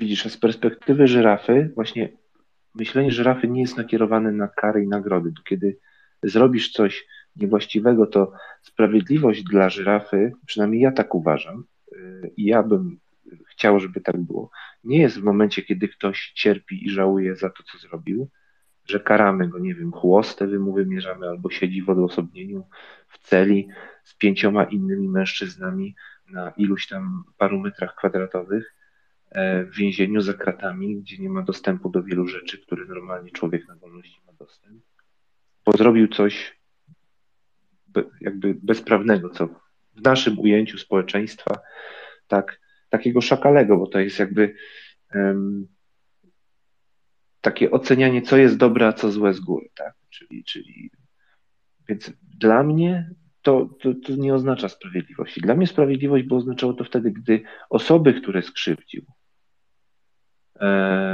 to dostałyby zadośćuczynienie tego, nieważne czy w pieniądzach, czy w jakiejś innej formie, bo to nie o to chodzi.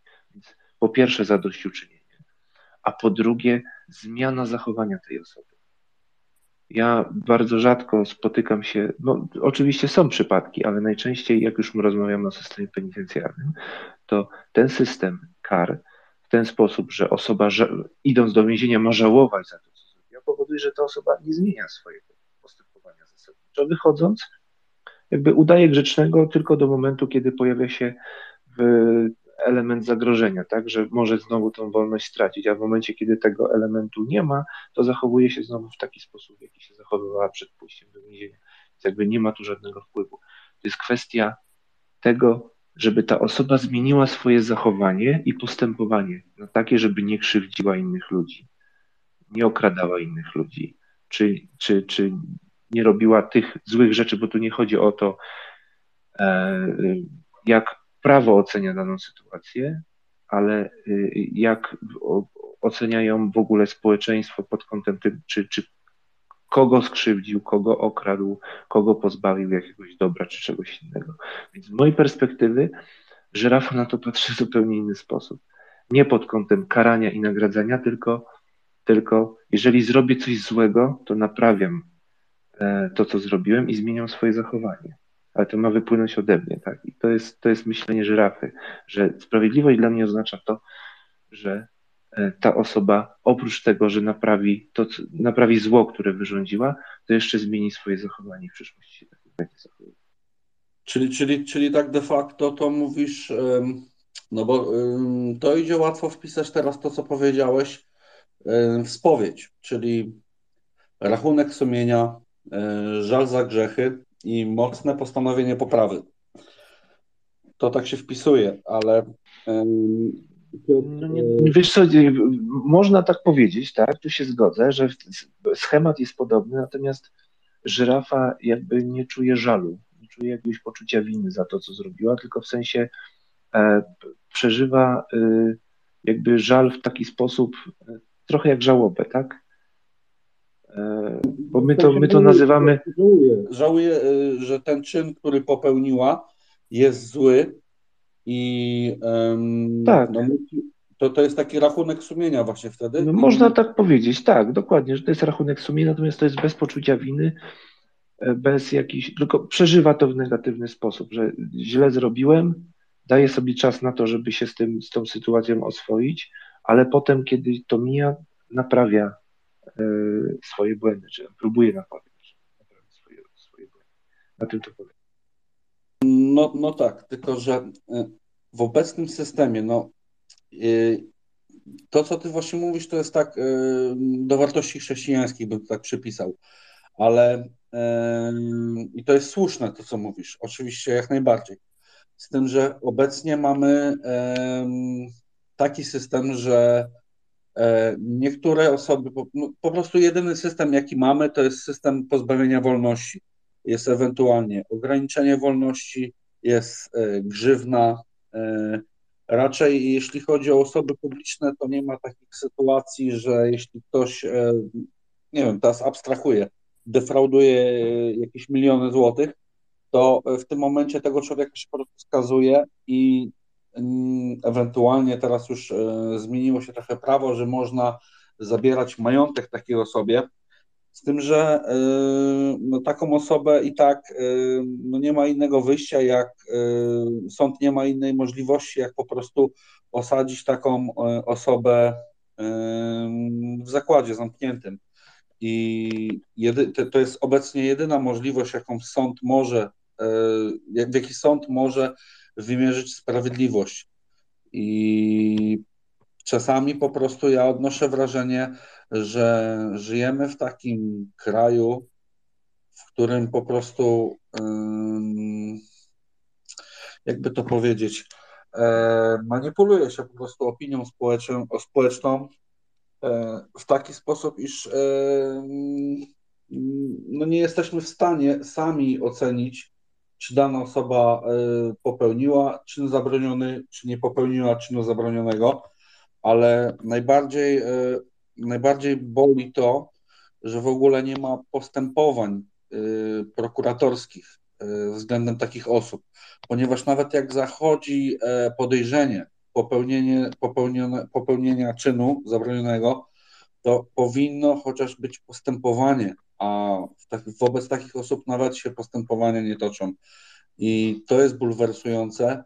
I czy domaganie się sprawiedliwości w taki sposób żeby to było skuteczne, ponieważ nie mamy innej możliwości domagania się sprawiedliwości obecnie, czy domaganie się sprawiedliwości będzie, to można przypisać żyrafie.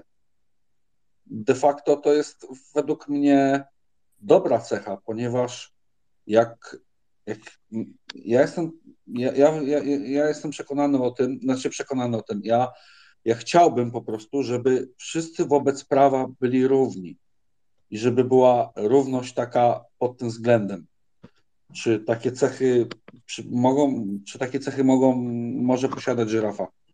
No właśnie w tej chwili, to, to, ta ostatnia szczególnie część, którą powiedziałeś, to klasyczna mowa żyrafy. Powiedziałeś, czego potrzebujesz. Potrzebujesz równości, żeby wszyscy byli równi. To jest kla klasyka, tylko pytanie, w jaki sposób my tą równość osiągnąć? Poprzez, bo był, nie wiem, czy ko kojarzysz, był w, w mitologii, y, mitologii greckiej był taki, y, nazywał się Prokrustes, był takim zbójem przydrożnym i on po prostu y, wymyślił sobie, że on będzie e, wyrównywał ludzi i miał takie łoże, e, do którego przyrównywał tych ludzi. Jak ktoś był za niski, to obcinał nogi, a jak ktoś był za, znaczy za wysoki, to obcinał nogi, jak ktoś był za niski, to rozciągał. No i po prostu ci ludzie umierali, bo nie, nie, przeżywali fizycznie tego rodzaju tortur, nie? Więc to jest, to jest właśnie, czy my w ten sposób powinniśmy e, sprawiać, że ludzie będą równi wobec prawa? E, no jako żyrafa ja nie uważam w ten sposób, nie? To tak sprowadzając to do tego. Nie, żeby nie było. Ja też, ja też tak nie uważam. Dokładnie. Nawet pomimo, że jakby co do poglądów się nie zgadzamy, to ja uważam, że masz prawo mówić to, co jakby uważasz, bez względu na to, czy to jest żyrafie, czy to jest szakale, e, to jest twój, twój wybór. Ja tak przynajmniej uważam, to jest twój wybór. E, jakie, jakie, jakie masz poglądy, co, co, co, ci, co, co mówisz, czego nie mówisz, to jest twój wybór. Więc ja jakby mogę z tym dyskutować, ale zabronić ci tego w żaden sposób nie mogę. Po prostu. Dobrze, bo Marcin ma rękę w górze, także bardzo proszę Marcin. Okej, okay, dzięki. E, wiecie co, ja, ja wam powiem, e, znaczy podzielę się ze swoim doświadczeniem e, porannym, ale nie powiem wam e, dokładnie, co chcę powiedzieć, bo e, e, będziecie wiedzieć już, już co chcę opowiedzieć. więc to będzie już nudne. Jeden z pokoi prawackich, a no to jest tam przeważnie jest kilka osób, które bardzo mnie ciekawią, chciałbym z nimi porozmawiać, ale zawsze się tam ktoś znajdzie, który po prostu jest irytujący, wkurzający. Nie? No i e, on po prostu wyzywał różną, różnych z opcji politycznych, od debili, o czym tu była mowa, nie? I tam jeszcze różne e, epitety. Więc e, ciekawie ludzie zaczęli odchodzić, no bo gdzie też można być na pokoju, gdzie host śpi, nie reaguje, a, on po prostu nie daje ani do słowa, nic, ciągle wchodził. Ja nie będę a, a personalizował, tylko opiszę po prostu zjawisko. A ja sobie myślę, dobra, mam odpoczynek z pracy zamknąłem komputer i sobie myślę, to e, e, ja nie będę wychodził, a, a podejmę tą walkę. E, zastosujemy to też żyrafy. Więc a, próbowałem najpierw nawiązać z nim kontakt e, z mówcą e, moim na, na pokoju. Tam było chyba, nie wiem, 30 czy 50 osób. Słuchali też, brali udział, próbowali i, i nie, nie, krytykowałem go, nie, nie wchodziłem z nim na metodę na siłową, tak, kto jest silniejszy, tylko po prostu potraktowałem go poważnie i starałem po prostu nawiązać z nim kontakt, z nim porozmawiać. Tak, żeby on poczuł, że, że, że, jest, że jest słyszany. E, I, a, I wiecie co? Po kilku godzinach nie słyszałem już u niego żadnego słowa ty debilu, debilko i tak dalej. I zadziałało. Myślę, dobra, jestem wielki, wychodzę z pokoju. I jest to, jest to możliwe, jest to sposób na to, żeby nie uciekać, a żeby podjąć e, rozmowę. Po dzisiejszej e, sytuacji to był ewidentny dowód na to, że, że można po prostu. Ja wiem, że, że to to dużo cierpliwości, że, że, że jeżeli ktoś ma czas, trzeba mieć czas i tak dalej. E, ale y, y, nie mówiłem mówić, nie łuku się doucz, albo nie byłem żądny krwi, bo, bo, bo ja rozumiem, że Rafa e, to hiena, tak, szakal, e, jest, chce mieć satysfakcję z zemsty, po prostu spokojnie, krok po kroczku i miałem nawet pomoc dużą, tak, w tym pokoju. Po prostu dużo osób mnie zrozumiało i również tą samą metodą nawiązywali z nim, e, czyli to, to metodą komunikacyjną próbowali z nim nawiązać jakiś tam kontakt. Nie? I, i, I rzeczywiście się udało Można? Można. Dziękuję ślicznie za głos. A dziękuję bardzo Marcin, dziękuję. No i życzę Ci, żebyś częściej, jak najczęściej, a najlepiej, żeby ta, ta, Nie, nie, ta ja, postawa to, to, w ogóle wiesz, Cię ja- nie ja nie opuszczała mam żyrafy, i nie? wszystkim. Ale nie ma takiego znaku. Ja wolę się wytarzać jak świnia, wiesz, także to był dzisiaj przypadek wyjątkowy, żeby bardzo spokojnie byłem na pokoju. Nie? No, wrócić. No ja okej. chciałbym wrócić Życzę, do tego, życzę co- Ci jak najczęściej takiej Mm, Piotras, ja chciałem wrócić do tego, co właśnie powiedział e, Marcin, e, czyli z jednej strony atomówka mówi, że kiedy mnie obrażają, to po prostu mówię, nie chcę z tobą rozmawiać i odchodzę, ale no, e, szukając genezy, no to spójrzmy na to, rozmawiamy na pokoju komunikatora, jakim jest Twitter. Na Twitterze praktycznie rzecz biorąc odbywa się walka e, walka sama w sobie już jest jak gdyby pozażyrafowa, bo żyrafa ogólnie rzecz biorąc tej walki nie mm, prowokuje. E, Natomiast tak jak tutaj Marcin z kolei powiedział, no wzięcie w żyrafowy sposób inteligentny sposób e, rozmowy mm, w swoje ręce może mm, spowodować jakieś tam mikrozwycięstwo. Przy większej skali zwycięstwa będą oczywiście większe. Natomiast wszystko, co się w naszym życiu obecnie toczy, jest walką, jest walką na słowa. E, Jeżeli zaczniemy postępować jak atomówka, przegramy. Bo e, odwracanie się plecami to jest tylko prowokowanie, żeby nam ktoś ten plecy nóż w końcu wbił. E, Natomiast e, walczenie na słowa pozbawia nas piedestału żyrafy. Jak teraz znaleźć się pomiędzy, czyli żeby być żyrafą albo nie do końca, albo starać się nie będąc żyrafą nią być i jak nie przegrać tej walki, bo oczywiście we wszelkiego rodzaju komunikacji jesteśmy społeczeństwem w tej chwili tak nastawionym na walkę, że walkę będziemy toczyć o wszystko, o, o kartofle czy ziemniaki, o chleb, o poglądy, o wiarę. Będziemy walczyć o wszystko, więc no, zwracanie się plecami jest z góry skazane na przegraną. Jak teraz wygrywać w takiej walce? To było, to było chciałeś pytanie. To było pytanie. Bo nie każdy ma tyle czasu co Marcin, żeby poświęcić 200, 3 czy 5 godzin na prostowanie pacjenta, który w końcu zacznie z nami rozmawiać, zamiast nas tylko i wyłącznie obrażać. Jak walczyć, Znaczy, będąc wiesz żyrafą? co, Mhm. Wiesz co, nie, nie, właśnie to nie jest kwestia walki, bo tak jak mówię, żyrafy nie polują na lwy. Więc jeżeli żyrafy są e, atakowane, to albo uciekają, jeżeli uznają, że nie mają szans się obronić, albo uciekają, jeżeli mają taką możliwość, albo się bronią po prostu do momentu, kiedy ich terytorium zostanie o- obronione. I w tym momencie, kiedy już zostanie obronione, to wracają sobie do skubania liści z drzewa, tak? E, Więc, więc na tym to polega. Ja nie wiem, czy tu kwestia czasu.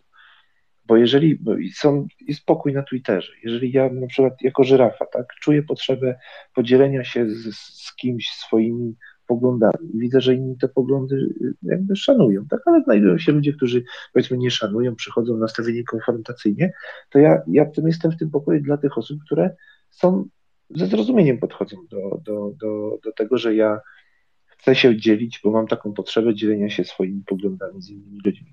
Ale jeżeli jest pokój, w którym tylko lecą bluzgi i on polega na obrażaniu się wzajemnym na niczym więcej i jak ja patrzę na to i słyszę tylko wzajemne bluzgi, to ja nie mam ochoty być w takim pokoju. Najzwyczajniej w świecie to jest mój wybór, że ja po prostu nie chcę w nim uczestniczyć, więc w nim nie uczestniczę. Więc to nie wiem, co to ma kwestia czasu. Jeżeli ktoś czuje potrzebę, żeby jednak mimo wszystko y, jakby tak określiłeś, prostować, chociaż to jest dosyć agresywne stwierdzenie, e, no to poświęca na to czas, tak? Ma, ma taką potrzebę, więc to robi. I to też jest kwestia wyboru. To jest myślenie żyrafy, że wszystko, co robimy, jest kwestią wyboru. Jeżeli jest pokój agresywny, y, nie pod, tak jak z imprezą, i wchodzę na imprezę, nie podoba mi się, wychodzę z imprezy, ale jest impreza, podoba mi się, ale jest na przykład jedna, dwie osoby, które mi się nie podobają, no to staram się albo z nimi nie dyskutować, albo ograniczać jakby e, interakcje do minimum, tak? Bo są inne osoby, na przykład te inne osoby czują się dobrze, bo chciały, żebym był, to ja też, żeby spełnić ich potrzebę, tak? Jakby które mają, tak, a moja osoba na przykład, moja obecność spełnia ich potrzebę, więc jestem dla nich, więc to, to też ta kwestia. Ja wielokrotnie się zastanawiałem, czy nie zlikwidować y, Twittera, natomiast doszedłem do wniosku, że jest tu wiele wartościowych osób, y, dla których warto tutaj być i dlatego mimo wszystko jestem tutaj. I wybieram pokoje, w których jestem, świadomie. Jeżeli mam ochotę z kimś porozmawiać, mam na to akurat czas, to to robię. Jeżeli nie mam na to czasu, albo jeżeli po prostu mi się to nie podoba, to tego nie robię. To jest kwestia wyboru. Jest jeszcze jedna kwestia, to jaki sens nadajemy tej, e, ja to nazwę w cudzysłowie walce, o której John tutaj powiedziałeś, bo e, nie do końca zgodzę się z tym, że postępując tak jak atomówka, przegrywam. Często zdarza się tak, że jeśli już mówimy o jakiejś konfrontacji, czy naszym, y, i w tym kontekście naszego przeciwnika, e, to e, nie wciągnięcie mnie w e, tą walkę, mówię tu w cudzysłowie, odnosimy się do tego, jest w zależności od tego, jak ja sens temu nadam, czy to jest moją przegraną, czy to jest moją wygraną. A paradoksalnie zdarza się tak, że przeciwnika możemy zaskoczyć również naszym nieschematowym, niesztampowym zachowaniem, czyli po prostu niereagowaniem. I czasami to jest tą e, wartością, którą możemy się obronić. Więc to, w jaki sposób my też nadajemy temu sens, w taki sposób e, też e, funkcjonujemy. I od nas zależy, czy chcemy w tym uczestniczyć, czy nie. Nie do końca od, zostawienie sytuacji, nad którą, mm, która może być dla nas krzywdząca, która może nas, e, być dla nas zagrażająca, i tutaj dochodzą do tego nasze emocje, które nam podpowiadają, co możemy e, zrobić w sytuacji zagrożenia, po prostu to zostawić. A niekoniecznie musi być to w kontekście zagrożenia, tylko w kontekście podjęcia decyzji. Ja po prostu nie utożsamiam się z tym, nie czuję się w tym komfortowo, nie jest to dla mnie miejsce, po prostu je zostawiam. Czy to jest przegrana? Chyba niekoniecznie. Zamykanie się w wysokiej wieży z kości słoniowej powoduje, że z czasem stajemy się niewidoczni. Ale czasami chyba, ja mam tak czasami, że chciałbym, żeby po prostu nikt mnie nie widział i żeby być samemu, żeby nikt nie miał do mnie dostępu. A czasami tak sytuacja jest nie do zniesienia, kiedy tak jest w momencie, kiedy na przykład chciałbym, żeby wokół mnie było parę osób i żeby coś fajnego to robić. Wiesz, to wszystko zależy od sytuacji i od chyba potrzeby chwili. A jeżeli mam potrzebę zamknięcia się w tej wieży mm, i ta potrzeba, mm, tą potrzebę czuję, to też e, jest ok. To jest kwestia wyboru. No dobrze, słuchajcie, myślę, że mm, nasze spotkanie i tak się już przedłużyło. Widzę, że tutaj Mateusz jeszcze chciałby... Mamy jeszcze e, dwa głosy i zobacz, Anno, dalej nie, dalej nie skończyliśmy czterech kroków, także jeszcze przynajmniej dwa spotkania będziemy musieli zrobić, patrząc na nasze Step by step. Oczywiście. Mateusz, zapraszam. Tak, jestem zdecydowanym zwolennikiem tego, że jesteśmy mm, panami swojej przestrzeni. Jeżeli nie odpowiada nam jakieś otoczenie, to po prostu je zmieńmy. Mm, nie przesuniemy słonia, tylko się od niego odsuniemy, więc jeżeli ktoś nas obraża, ktoś nas, e, ktoś nas e, powoduje w nas jakiś dyskomfort, a nie potrafimy E, zwalczy dziś jego zachowania mową żyrafy, to po prostu mądra żyrafa odchodzi. Nie będzie czekała, aż kokos spadnie jej na głowę po raz setny, tylko po prostu sobie e, idzie gdzieś, gdzie jest miło. E, patrząc to przez pryzmat choćby Twittera, no to absolutnie mamy magiczne guziki. Możemy kogoś przestać obserwować, możemy kogoś wyciszyć, możemy kogoś zablokować. Twórzmy przestrzeń mm, przyjazną dla nas. Wcale nie jesteśmy skazani na, na odwieczną walkę. Dzięki.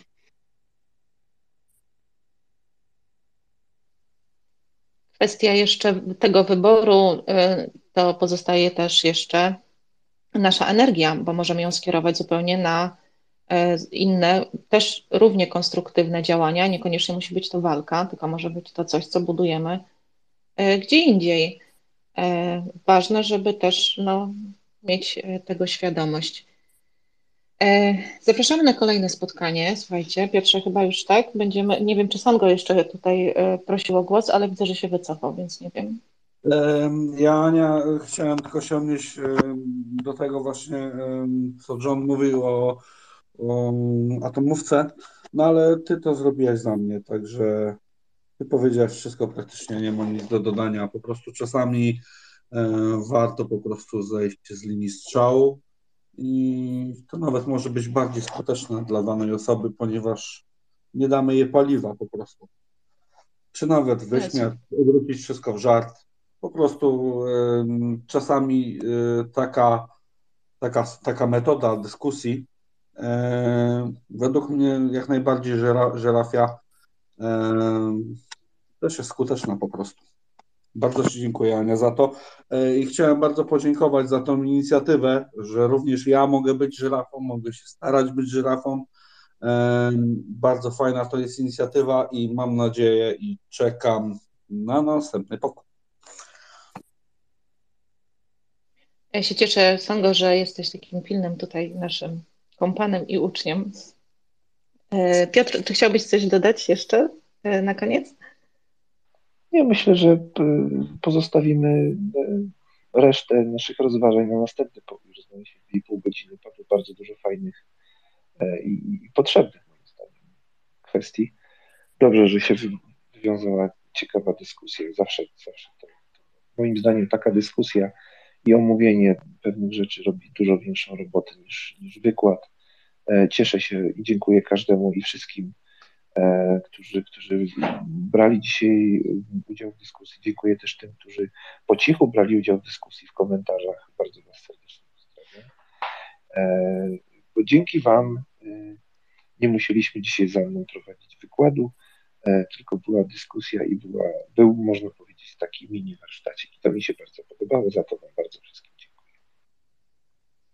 Ja również dziękuję wszystkim, którzy zabrali tutaj głos naszej dyskusji. Słuchajcie, to jest dla nas też bardzo ważne. Także dziękuję e, Sango, dziękuję e, Johnny, e, Atomówka, dziękuję bardzo. Marcin, Mateusz, Max, bardzo Ci dziękuję. Chyba wszystkich wymieniłam, którzy zabierali głos. Bardzo dziękuję Bożence. To jest osoba nie do przecenienia, która daje tutaj takie komentarze. Słuchajcie, polajkujcie je, przesyłajcie dalej, bo Bożenka jest tutaj po prostu skarbnicą wszystkich cytatów, wpisów e, naszych. Bożenko, bardzo Ci dziękujemy. Dziękuję Piotrze, przede wszystkim Tobie za współprowadzenie. E, także e, zapraszamy, słuchajcie, do następnego spotkania. Będziemy kontynuowali. Prosimy o większą aktywność, a aktywizację postaramy się tutaj uruchomić nie językiem szakala jednak, będziemy się tej konwencji trzymali, E, słuchajcie, i jedna taka jeszcze kwestia przyszła mi na koniec e, do głowy, e, żeby w, w kontekście tych emocji, bo te emocje są tym takim wyzwalaczem tych wszystkich naszych tutaj rozważań i one są bardzo istotne, ważne, żeby mieć ich świadomość. Polecam film, który mi się przypomniał. Fantastyczny film. Kto oglądał, niech wróci do niego, proponuję. Kto nie oglądał, niech obejrzy. W głowie się nie mieści. Cudowny film, w którym emocje zawsze pokazują, film pokazuje, że emocje zawsze zmuszają nas do zrobienia, zaprzestania robienia czegoś. E, na przykład smutek sprawia, że dystansujemy się od innych.